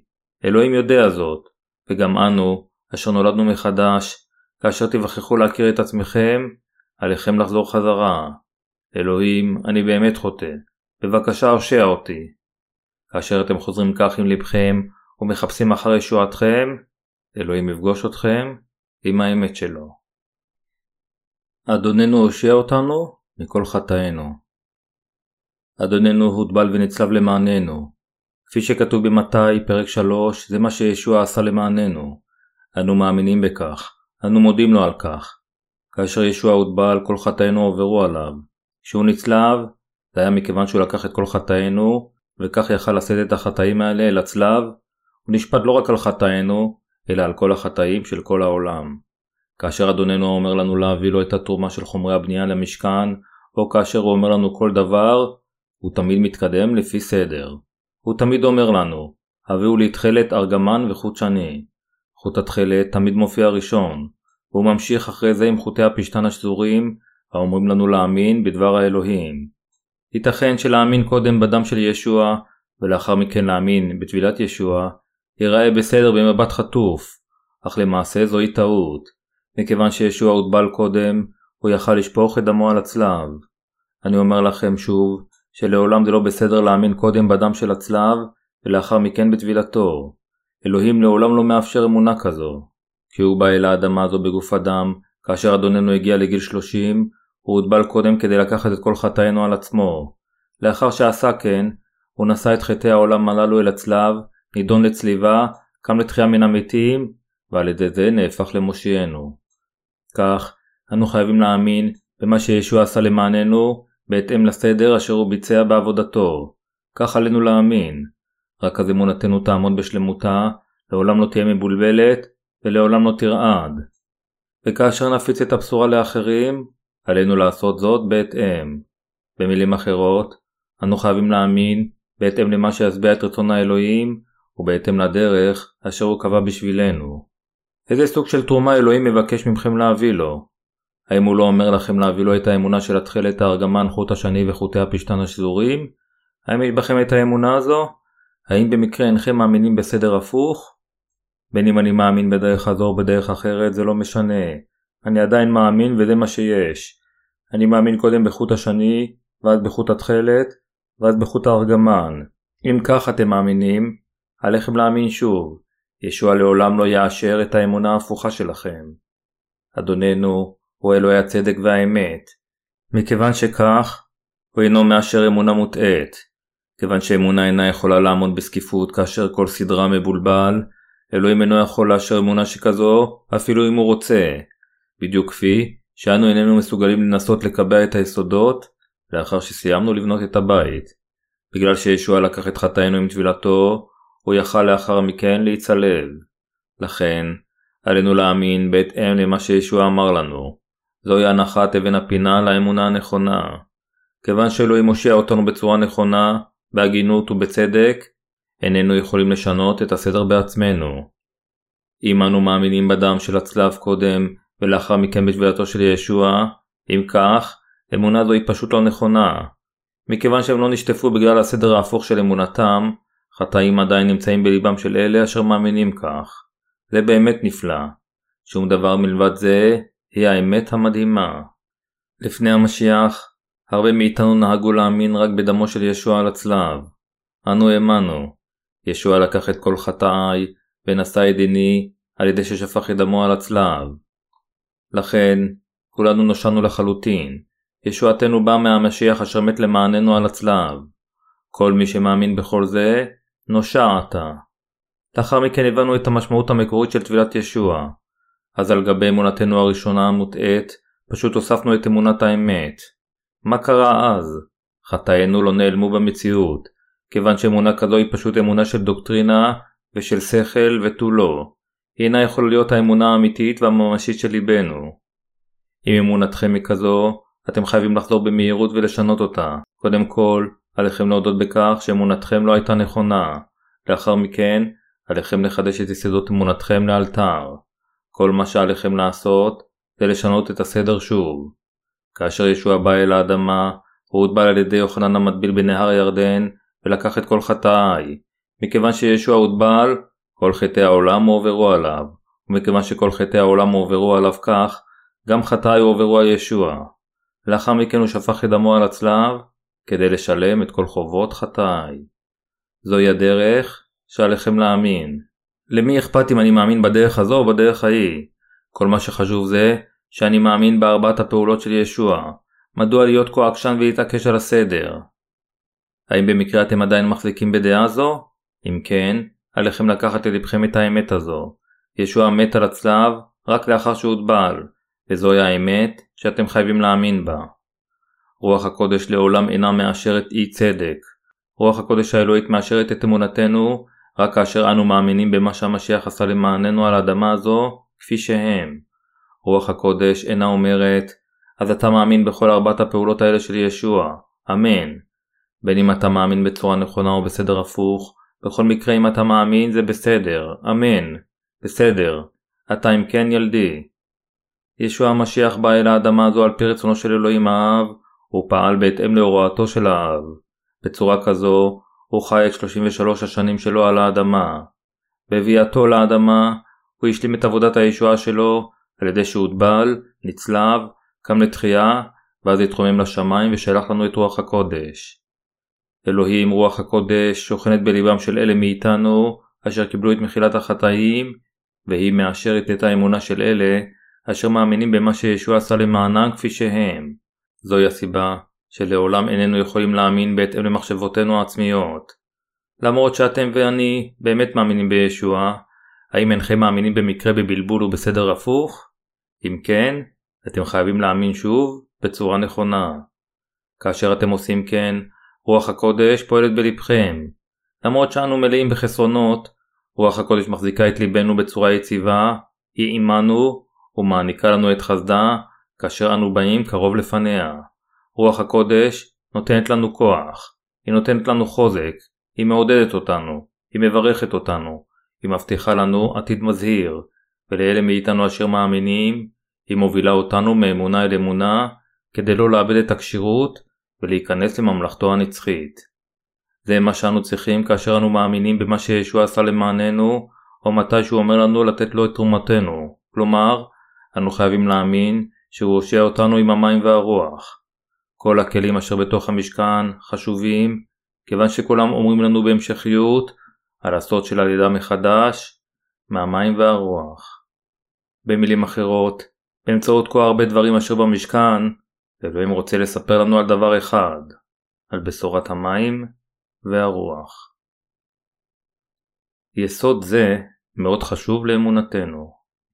אם נבנה את בית האמונה, מבלי להניח קודם את יסודות האמונה בצורה יציבה, ככל שנאמין יותר בישוע, נצבור יותר חטאים. ככל שיהיה עלינו לתת יותר תפילות תשובה, נהפוך ליותר חוטאים צבועים. אך כאשר אנו מאמינים במתנת הישועה, שאדוננו הושיע אותנו עם התכלת, הארגמן, חוט השני וחוטי הפשתן השזורים, אנו כולנו יכולים להיות ילדיו המושלמים של אלוהים. לכן, אנו כולנו חייבים להאמין באמונה של התכלת, הארגמן, חוט השני וחוטי הפשתן השזורים, וכך, כולנו חייבים להפוך לילדיו של אלוהים. אלה אשר יסודות אמונתם מושלמים, יכולים לבצע את כהונתם באור בהיר, אפילו שייתכן שלהם בעצמם יש חסרונות. במילים אחרות, הם יכולים לבצע את כל המטלות של כהונתם, כאילו הם באמת מאמצים את כל אנשי העולם אל חיקם, מתפללים לאלוהים למחילת חטאיהם, ומשרתים את הבשורה הזו לפני אלוהים. בניגוד לכך, אלה אשר יסודות אמונתם אינם ברורים, ככל שהזמן עובר, הם הופכים ליותר צבועים, הם הופכים לרשעים, הם הופכים לדתיים צבועים יותר. כפי שאדוננו אמר לנו שעלינו להכיר עץ על פי פירותיו, הפירות אשר יוצאים מאנשים כאלה הם מעוררי גועל, מטונפים וצבועים. בכל אופן, אלה מאיתנו אשר נולדים מחדש אינם צבועים כלל, הם אמיתיים. למרות שיש להם חולשות, הם באמת כנים. הם מכירים בחולשותיהם ובטעותם, והם תמיד חיים באור הבהיר. כיוון שאדוננו הוטבל ונצלב כדי למחוק את כל חטאינו, ומכיוון שבאמת הוא גרם לכל חטאינו להיעלם, על ידי האמונה באמת הזו, אנו קיבלנו את מחילת חטאינו. כיוון שיסודות אמונתנו מוצקים, למרות שאנו לא מושלמים, למרות שאנו עושים חטאים, למרות שאנו חלשים, חיינו תמיד בהירים, כיוון שליבנו תמיד ללא חטאים. יכול להיות שבגלל חסרונותינו נלך בדרך רעה לפעמים, אך כיוון שלמעשה אנו חפי חטא, איננו הולכים בדרך רעה, ומובילים את עצמנו ואחרים לחורבן. למרות שאנו לא מושלמים, בכל זאת, אנו צועדים על הנתיב אשר משביע את רצונו של אלוהים, נעים קדימה צעד אחר צעד, ומשרתים את הבשורה אף יותר. כל זה נעשה אפשרי, כיוון שישוע הושיע אותנו בצורה מושלמת. אם ישוע המשיח, משיחנו ומושיענו, לא היה מושיע אותנו כך לגמרי עם ארבעת החוטים, לא היינו יכולים להיוושע לעולם.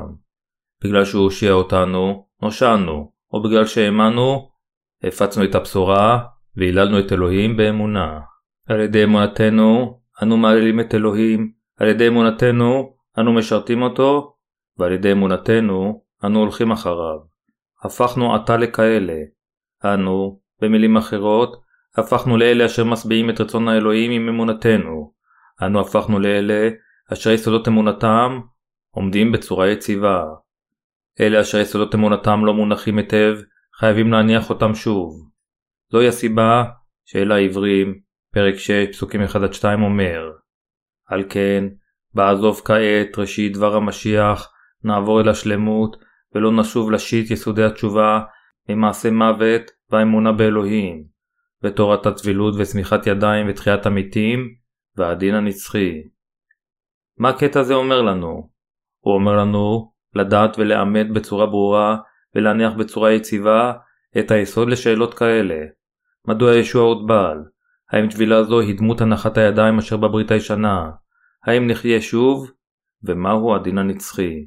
הוא אומר לנו להיות בעלי אמונה מושלמת ולהניח ביציבות את היסודות מההתחלה ממש על ידי הדברים האלה, כך שלעולם לא נרעד או לא נצטרך להניח שוב את היסודות. האמונה אשר מאמינה בתכלת ארגמן חוט השני וחוטי הפשתן השזוריים היא האמונה המושלמת אשר מאמינה שאדוננו השלים את ישועתנו באופן מושלם. אנו חייבים לעמוד בצורה איתנה על יסודות האמונה האלו, ועלינו לרוץ משם. אנו חייבים לרוץ את המרוץ של האמונה. יש אנשים אשר מפרשים את הקטע של לעיל מעברית כאילו הוא אומר שאיננו יכולים להגיד שוב שחטאינו עוברו על ישוע באמצעות טבילתו, ושהקטע הזה אומר לנו שאיננו צריכים לבנות את יסודות האמונה שוב. אך האם אלוהים היה אומר לנו לא לבנות מחדש את יסודות האמונה שלנו אם הם נבנו בצורה נכונה מלכתחילה? קטע זה אומר לנו שאלה אשר אין להם את יסודות האמונה הנכונים צריכים להניח יסודות אלה, ואלה אשר יש להם את יסודות האמונה הנכונים חייבים לעשותם אף יותר מוצקים ויציבים ולהמשיך הלאה. כדי להושיע אותנו, אלוהים ציווה את משה לבנות את המשכן ולקבל תרומה מעמו. הוא ציווה את בני ישראל לתת לו זהב, כסף, נחושת, תכלת, ארגמן, שני, חוטי פשתן שזורים, צמר עיזים, אורות אלים מאדמים, אורות חשים ועצי שיטים. בדיוק כפי שהוא קבע חומרים אלה, אדוננו למעשה נתן לנו את מתנת הישועה על ידי שגאל אתכם ואותי מחטאי העולם. בדרך זו, אלוהים למעשה אמר לבני ישראל להביא לו את התרומה הזו, לבנות את המשכן.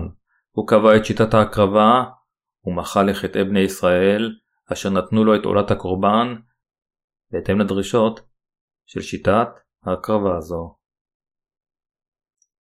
אמונתנו נעשית מושלמת על ידי האמונה בתכלת, בארגמן, בחוט השני ובחוטי הפשתן השזורים, אשר ניבאו לנו את הביצוע המושלם של ישועתנו על ידי ישוע המשיח. אם אנו איננו מסוגלים להאמין באמת המושלמת אשר בוצעה על ידי ישוע המשיח, ולא נניח לאלתר את יסודות אמונתנו ביציבות, אמונתנו תמשיך לרעוד. ללא הידע, ההבנה והאמונה בעובדה שאדוננו הושיע אותנו לחלוטין, כולנו ננסה לבסוף להגיע לישועתנו בכוחות עצמנו. אמונה כזו אינה מושלמת, אלא היא מוטעית. הבה נפנה לאל העבריים, פרק 10, פסוקים 21-31. כי אם נחטא בזדון, אחרי אשר קיבלנו דעת האמת, לא יישאר עוד זבח קורבן לכפר על החטא. כי אם בעוטי הדין העתיד ואש קנאה, אשר תאכל את הצוררים. אין איש כי יפר תורת משה, מות יומת בלי חמלה, על פי שניים עדים או שלושה. מה תחשבו, כמה יגדל העונש הראוי לרומס ברגלו את בן האלוהים, וחושב לכל את דם הברית, אשר הוא מקודש בו, ומחרף את רוח החסד. כי ידענו את האומר לי, נקם ושילם, ועוד, כי הדין אדוני עמו. מה נורא לנפול? ביד אלוהים חיים. הקטע אומר לנו שאם אנו חוטאים בכוונה תחילה לאחר שקיבלנו את הידע של האמת, לא יישארו יותר קורבנות חטא, אלא רק דין נורא של אלוהים. כאן, אלה אשר חוטאים בכוונה תחילה לאחר שקיבלו את הידע של האמת, הם אלה אשר אינם מאמינים בבשורת המים והרוח, אפילו שהם יודעים אותה. אנו חייבים להאמין באמת שאלוהים הושיע אותנו עם התכלת, הארגמן, חוט השני וחוטי הפשתן השזורים, שהוא הושיע אותנו עם הזהב, הכסף והנחושת, ושהוא עשה את גג המשכן עם כיסוי של תכלת, ארגמן, חוט שני, חוטי פשתן שזורים, צמר עזים, אורות אלים מאדמים ואורות חשים. אנו כולנו חייבים לדעת דברים אלה בבירור, ולהניח את יסודות אמונתנו בצורה יציבה. אדוננו הבטיח לנו שהוא יושיע אותנו לחלוטין, וכאשר הגיע הזמן, הוא הוטבל כדי לקחת את חטאינו על עצמו, מת על הצלב, קם לתחייה שוב מן המתים, ועל ידי כך הושיע אותנו לגמרי. לכן, אנו נושענו על ידי האמונה בישוע המשיח הזה, אשר הניח את יסודות ישועתנו בצורה שלמה. אך אלה אשר יודעים את האמת הזו, ומסרבים להאמין בה, ללא ספק יעמדו מול דינו הנורא של אלוהים, כאשר היום של משפטם האחרון יגיע. גופם לא ימות, אלא יסבול לנצח. התנ"ך אומר לנו שבשבילם יהיה רק זעם בוער, וסבלם מהגיהנום יהיה כה גדול, שמתואר שהוא יתובל באש. מרקוס, פרק 9, פסוק 49. זה אומר לנו שתהיה רק ציפייה נוראה לדין וזעם בוער אשר יאכל את המתנגדים. כאשר רק הכישלון בשמירת התורה מוביל לדין הנורא הזה, עד כמה נורא יהיה הדין של אלה אשר אינם מאמינים בישועתם אשר ניתנה על ידי בן האלוהים. זוהי הסיבה שעל כולנו להאמין בישוע המשיח כמושיענו בישוע, אשר בא אל האדמה הזו בגוף אדם, אשר לקח את כל חטאינו על עצמו עם טבילתו, אשר נשא את חטאי העולם הללו אל הצלב, ונשא את כל ההרשעות על החטאים עם צליבתו, אשר קם לתחייה מן המתים, ואשר עכשיו חי. לכן יסודות אמונתנו חייבים להיות מקובעים ביציבות. מדוע אמר אלוהים למשה לבנות את המשכן? כאשר אנו מסתכלים על כל אחד מהפרטים של כל החומרים אשר שימשו למשכן, אנו יכולים לראות שהם מגלים את האמת שישוע המשיח בא אל האדמה הזו בגוף אדם, לקח את חטאינו על עצמו עם הטבילה אשר הוא קיבל מיוחנן המטביל, נשא את חטאי העולם האלה אל הצלב ומת עליהם, קם לתחייה מן המתים, התרומם לשמיים, יושב לימין כיסא הכבוד של אלוהים האב, ועתה נעשה לאלוהינו הנצחי. מהשער ועד עמודה ועד בני הנחושת, כל פרטי המשכן מראים לנו על אמת הישועה. במילים אחרות, כל הברית הישנה מספרת לנו על טבילת ישוע המשיח, הקרבתו, זהותו ועבודת הישועה שלו. מהברית הישנה ועד הברית החדשה, בגלל שישוע המשיח מספר לנו על בשורת המים והרוח, כלומר בשורת התכלת, הארגמן, חוט השני וחוטי הפשתן השזורים, אלה אשר מאמינים באמת הזו, תמיד מדברים על האמת הזו של התכלת, הארגמן, חוט השני וחוטי הפשתן השזורים, כל פעם שיש להם הזדמנות לכך. כיוון שהם ישמעו ושמעו זאת לעיתים קרובות כל כך, ייתכן שלפעמים אפילו נשכח עד כמה אמת זו יקרת ערך, אך עד כמה יקרת ערך אמת זו. כאילו אנו חיים בתקופת שלטונו של המלך שלמה, כאשר היו כה בשפע, זהב יקר וכסף, שנהגו בהם כבאבנים, כיוון שאנו שומעים את האמת הזו כל יום בקהלו של אלוהים, יכול להיות שלפעמים ניקח את הישועה הזו כמובנת מאליה. אך עליכם לזכור זאת. אמת זאת אינה יכולה להישמע בשום מקום אחר מלבד בקהל האלוהים, וללא ישועה זו אף אחד אינו יכול להיוושע או להניח את יסודות האמונה ביציבות. האמונה שעימה אתם ואני נושענו היא האמונה בעובדה שאדוננו הושיע אותנו לחלוטין והניח את יסודות אמונתנו ביציבות עם ארבעת החוטים של התכלת, הארגמן, חוט השני וחוטי הפשתן השזוריים. הרשו לי לחזור פעם נוספת על כך שאנו כולנו חייבים להאמין בזה בליבנו. אלוהים הבטיח לנו, ובדיוק כפי שהוא הבטיח, הוא בא אל האדמה הזו כזרע של אישה, בראשית פרק 3 פסוק 15, לקח את כל חטאינו על עצמו עם טבילתו, נשא את כל ההרשאות של חטאינו אל הצלב, קם לתחייה מן המתים, ועל ידי כך הושיע אותנו באופן מושלם. כיוון שזוהי אמת כה פשוטה, אשר קל להסבירה ולהבינה, אנו יכולים ללמד את הבשורה הזו כל יום בכל רחבי העולם. כמובן, ישנם עדיין הרבה מעוררי רחמים אשר אינם יודעים את האמת הזו. בכל אופן, אלה אשר אינם מאמינים, אפילו שנמצאים בקהל האלוהים, הם יותר מעוררי רחמים מאלה אשר אינם יודעים את האמת הזו. אף על פי שבאמת קיבלתם את מחילת החטאים, מחשבותיכם עדיין יכולות להיות רעות, אך לפחות לבכם נעשה מאוד צייתן. אך הצבועים, אשר אינם כך, למרות שהם מנסים למראית עין להראות את עצמם כצייתנים, הם כה רשעים בפנימיותם, שהם ממשיכים לרמות את אלוהים ואנשים לאין ספור כל יום. אתם ואני חייבים להניח את יסודות האמונה ביציבות, ועל הישועה הזו שאדוננו הקים למעננו ביציבות רבה, אנו חייבים לעמוד בפני אלוהים על ידי האמונה בה. אמונה אשר עומדת איתן כמו מרכיבי המשכן. אלוהים אמר לנו להביא לו תרומה כזו ולבנות את משכנו.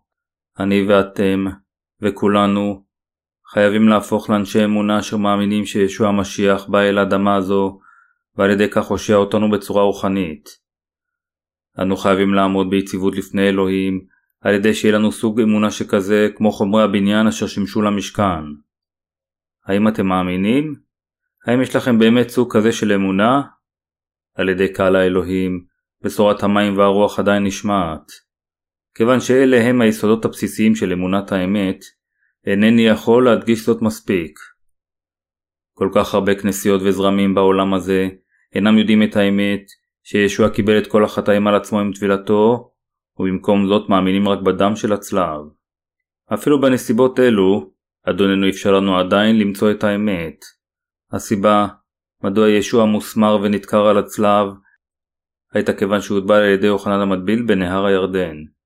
זה היה מכיוון שהוא קיבל את כל חטאי העולם אשר הועברו עליו עם טבילתו, שהוא נצלב ונדקר על הצלב. לפיכך, האמונה של אלה אשר טוענים שקיבלו את מחילת החטאים רק על ידי האמונה בדם של הצלב בלבד, היא אמונה שקרית אשר תתפורר לבסוף, ולא משנה עד כמה ייתכן שהם אדוקים. לא משנה עד כמה באופן בלתי נלאה מלמדים את ההמון בכל רועם להאמין בישוע, אמונתם, אשר מאמינה אך ורק בדם של הצלב בלבד, מציעה רק תפילות תשובה, ואינה יכולה אפילו לפתור את בעיית החטאים שלהם עצמם. היא בנויה על יסודות ראויים, שפשוט יתמוטטו כאשר הגשם ירד, הרוח תנשב, והמבול יגיע. אני בעצמי לא שמעתי על פרטי טבילת ישוע יותר מעשר שנים מאז שהתחלתי להאמין בישוע. בכל אופן, ישוע פגש אותי עם דבר האמת שלו, ויכולתי להיוולד מחדש מהמים והרוח. עתה, אני יודע שישנם אנשים רבים ברחבי העולם אשר מחפשים אחר האמת, אך עדיין לא מצאו אותה. אני רוצה לדבר אל כל אלה, כך שהם יוכלו לשמוע את האמת של המים והרוח, וכך הם יוכלו לקבל את מחילת חטאיהם על ידי האמונה בזה בליבם. לפני שנולדתם מחדש, יכול להיות שגם אתם ניהלתם אורח חיים דתי.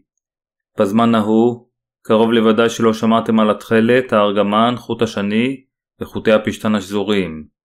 לא רק זה, קרוב לוודאי שלא שמעתם גם על בשורת המים והרוח, ויותר מכך, שחטאינו עוברו על ישוע כאשר הוא הוטבל. זה חשוב בצורה קריטית לנוצרים, לדעת ולהאמין באמת של התכלת, הארגמן, חוט השני וחוטי הפשתן השזורים כמו שהיא.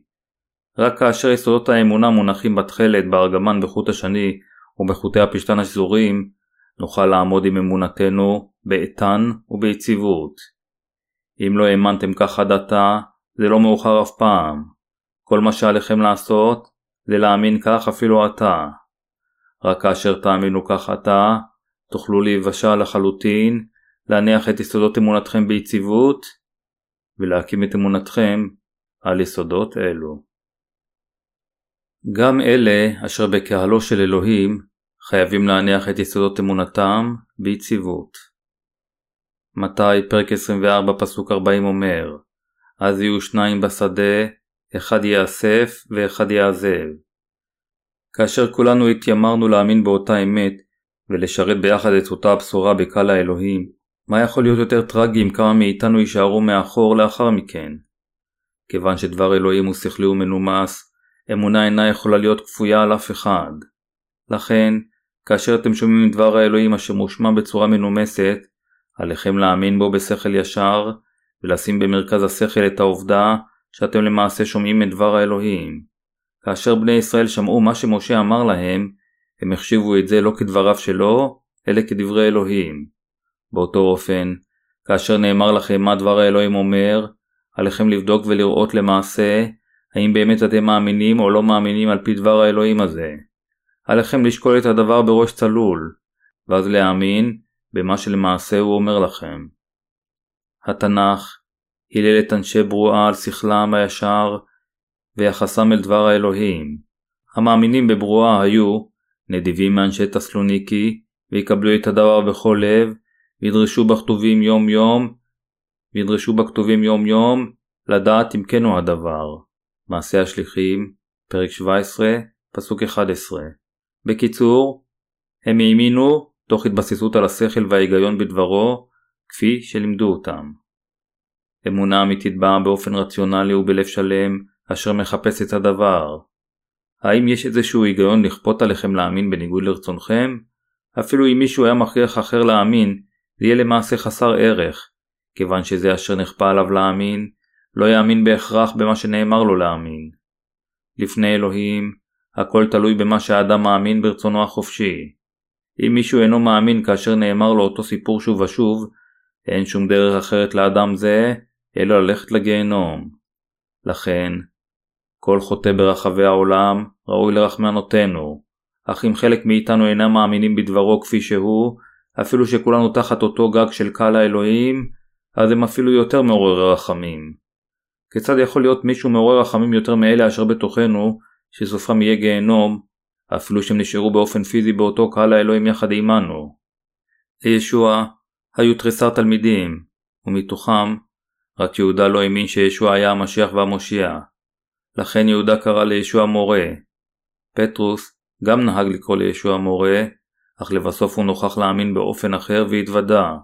ישוע, אתה המשיח ובן האלוהים. אתה בן האלוהים המושיע, אשר בא כדי לגרום לחטאי להיעלם. אתה אלוהי הישועה. אמונתו של פטרוס במילים אחרות, הייתה שונה מזו של יהודה.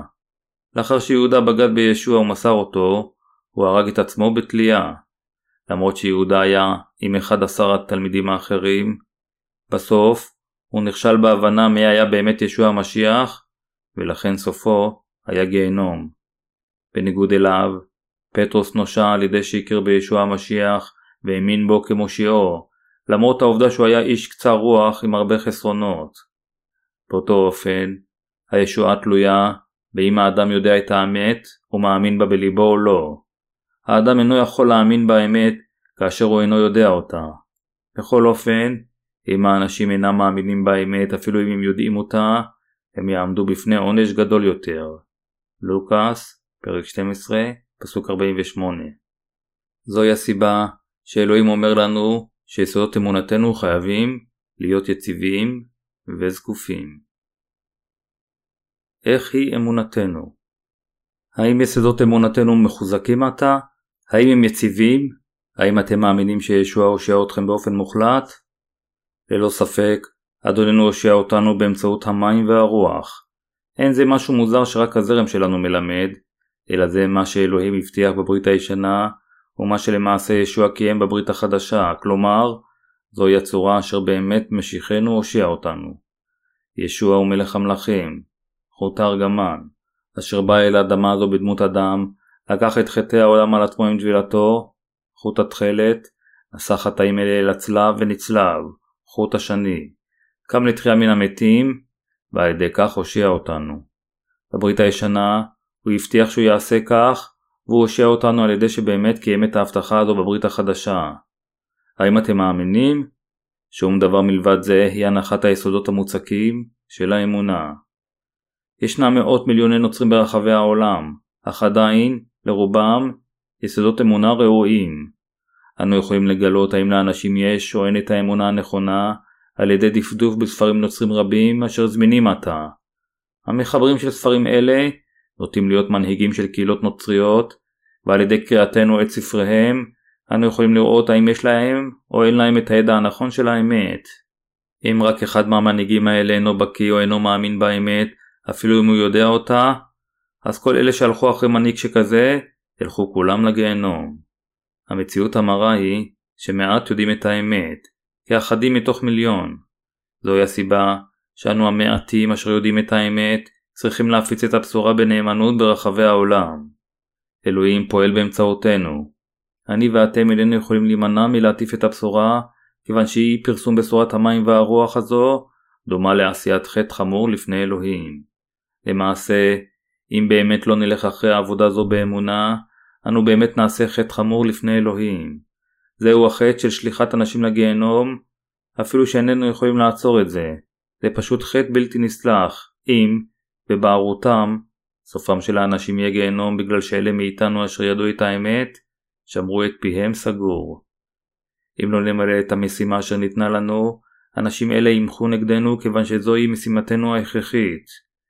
התנ"ך מזהיר אותנו ואומר והצופה כי יראה את החרב בה ולא תקע בשופר והעם לא נזהר ותבוא חרב ותיקח מהם נפש ובעוונו נלקח ודמו מיד הצופה אדרוש.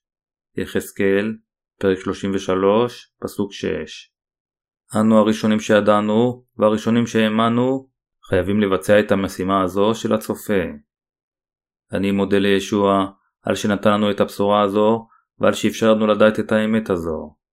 אני מודה לו, אף יותר, כאשר אני מבין שאנו המעטים הנבחרים בעולם הזה, אשר יודעים את האמת הזו ומאמינים בבשורה הזו.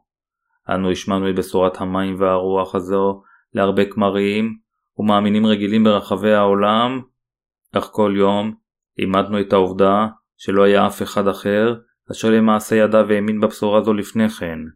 באמצעותנו, דרשני בשורת האמת של המים והרוח מופיעים ברחבי העולם. כמונו, גם להם יש יסודות אמונה מוצקים, ומפיצים את האמונה היציבה הזו. אם היו הרבה אנשים כאלה אשר מפיצים את הבשורה, יכול להיות שהיינו יכולים לנשום יותר בקלות ולנוח קצת מהוראותינו את הבשורה. אך למרבה הצער, אין עדיין הרבה אנשים בעולם הזה אשר יודעים ומאמינים באמת הזו. הרבה מפריזים בהערכה בהישגים של הרפורמציה בהיסטוריה של העולם. כאשר אנו בוחנים בפרטים, אנו יכולים לראות שבזמן הרפורמציה, הרפורמטורים שמו במקום הלא נכון את הלבנה הראשונה של יסודות האמונה התנ"כית, וכן כל שאר הדברים אשר באו לאחר מכן גם הושמו במקום הלא נכון. בלי להתחשב בטעויות אשר באו לאחר מכן, אם הלבנה הראשונה מונחת במקום הלא נכון, האמונה נשארת עדיין רעועה. לפיכך, ההיסטוריה של הנצרות צריכה להיכתב מחדש. אני מקווה ומתפלל שכולכם תעמדו לפני אלוהים על יסודות האמונה היציבים שלכם, ועל יסודות האמונה האלה תחיו את חייכם למען שירות הבשורה האמיתית. כאשר תחיו למען הבשורה, לבכם מתמלא בטבעיות בשמחה. כאשר האדם חי בשביל הבשורה, ליבו הופך לרוחני. כאשר רוח הקודש תמלא את לבכם ותפעל בתוככם, השמחה בלבכם תעלה על גדותיה. אך אם לא תחיו למען הבשורה, אלא תרדפו רק אחרי תשוקות בשרכם, אפילו אם קיבלתם את מחילת החטאים, והנכם מכירים את בשורת המים והרוח, חייכם יהיו חסרי משמעות וריקניים. אני מודה לאלוהים, על שנתן לנו את הבשורה יקרת הערך, ואשר נתן לנו את ישועתנו בחינם. זוהי תקוותי ותפילתי, שכולכם תבחנו את אמונתכם פעם נוספת, ותקבלו את המתנה של הישועה המושלמת באמצעות התכלת, הארגמן, חוט השני וחוטי הפשתן השזורים.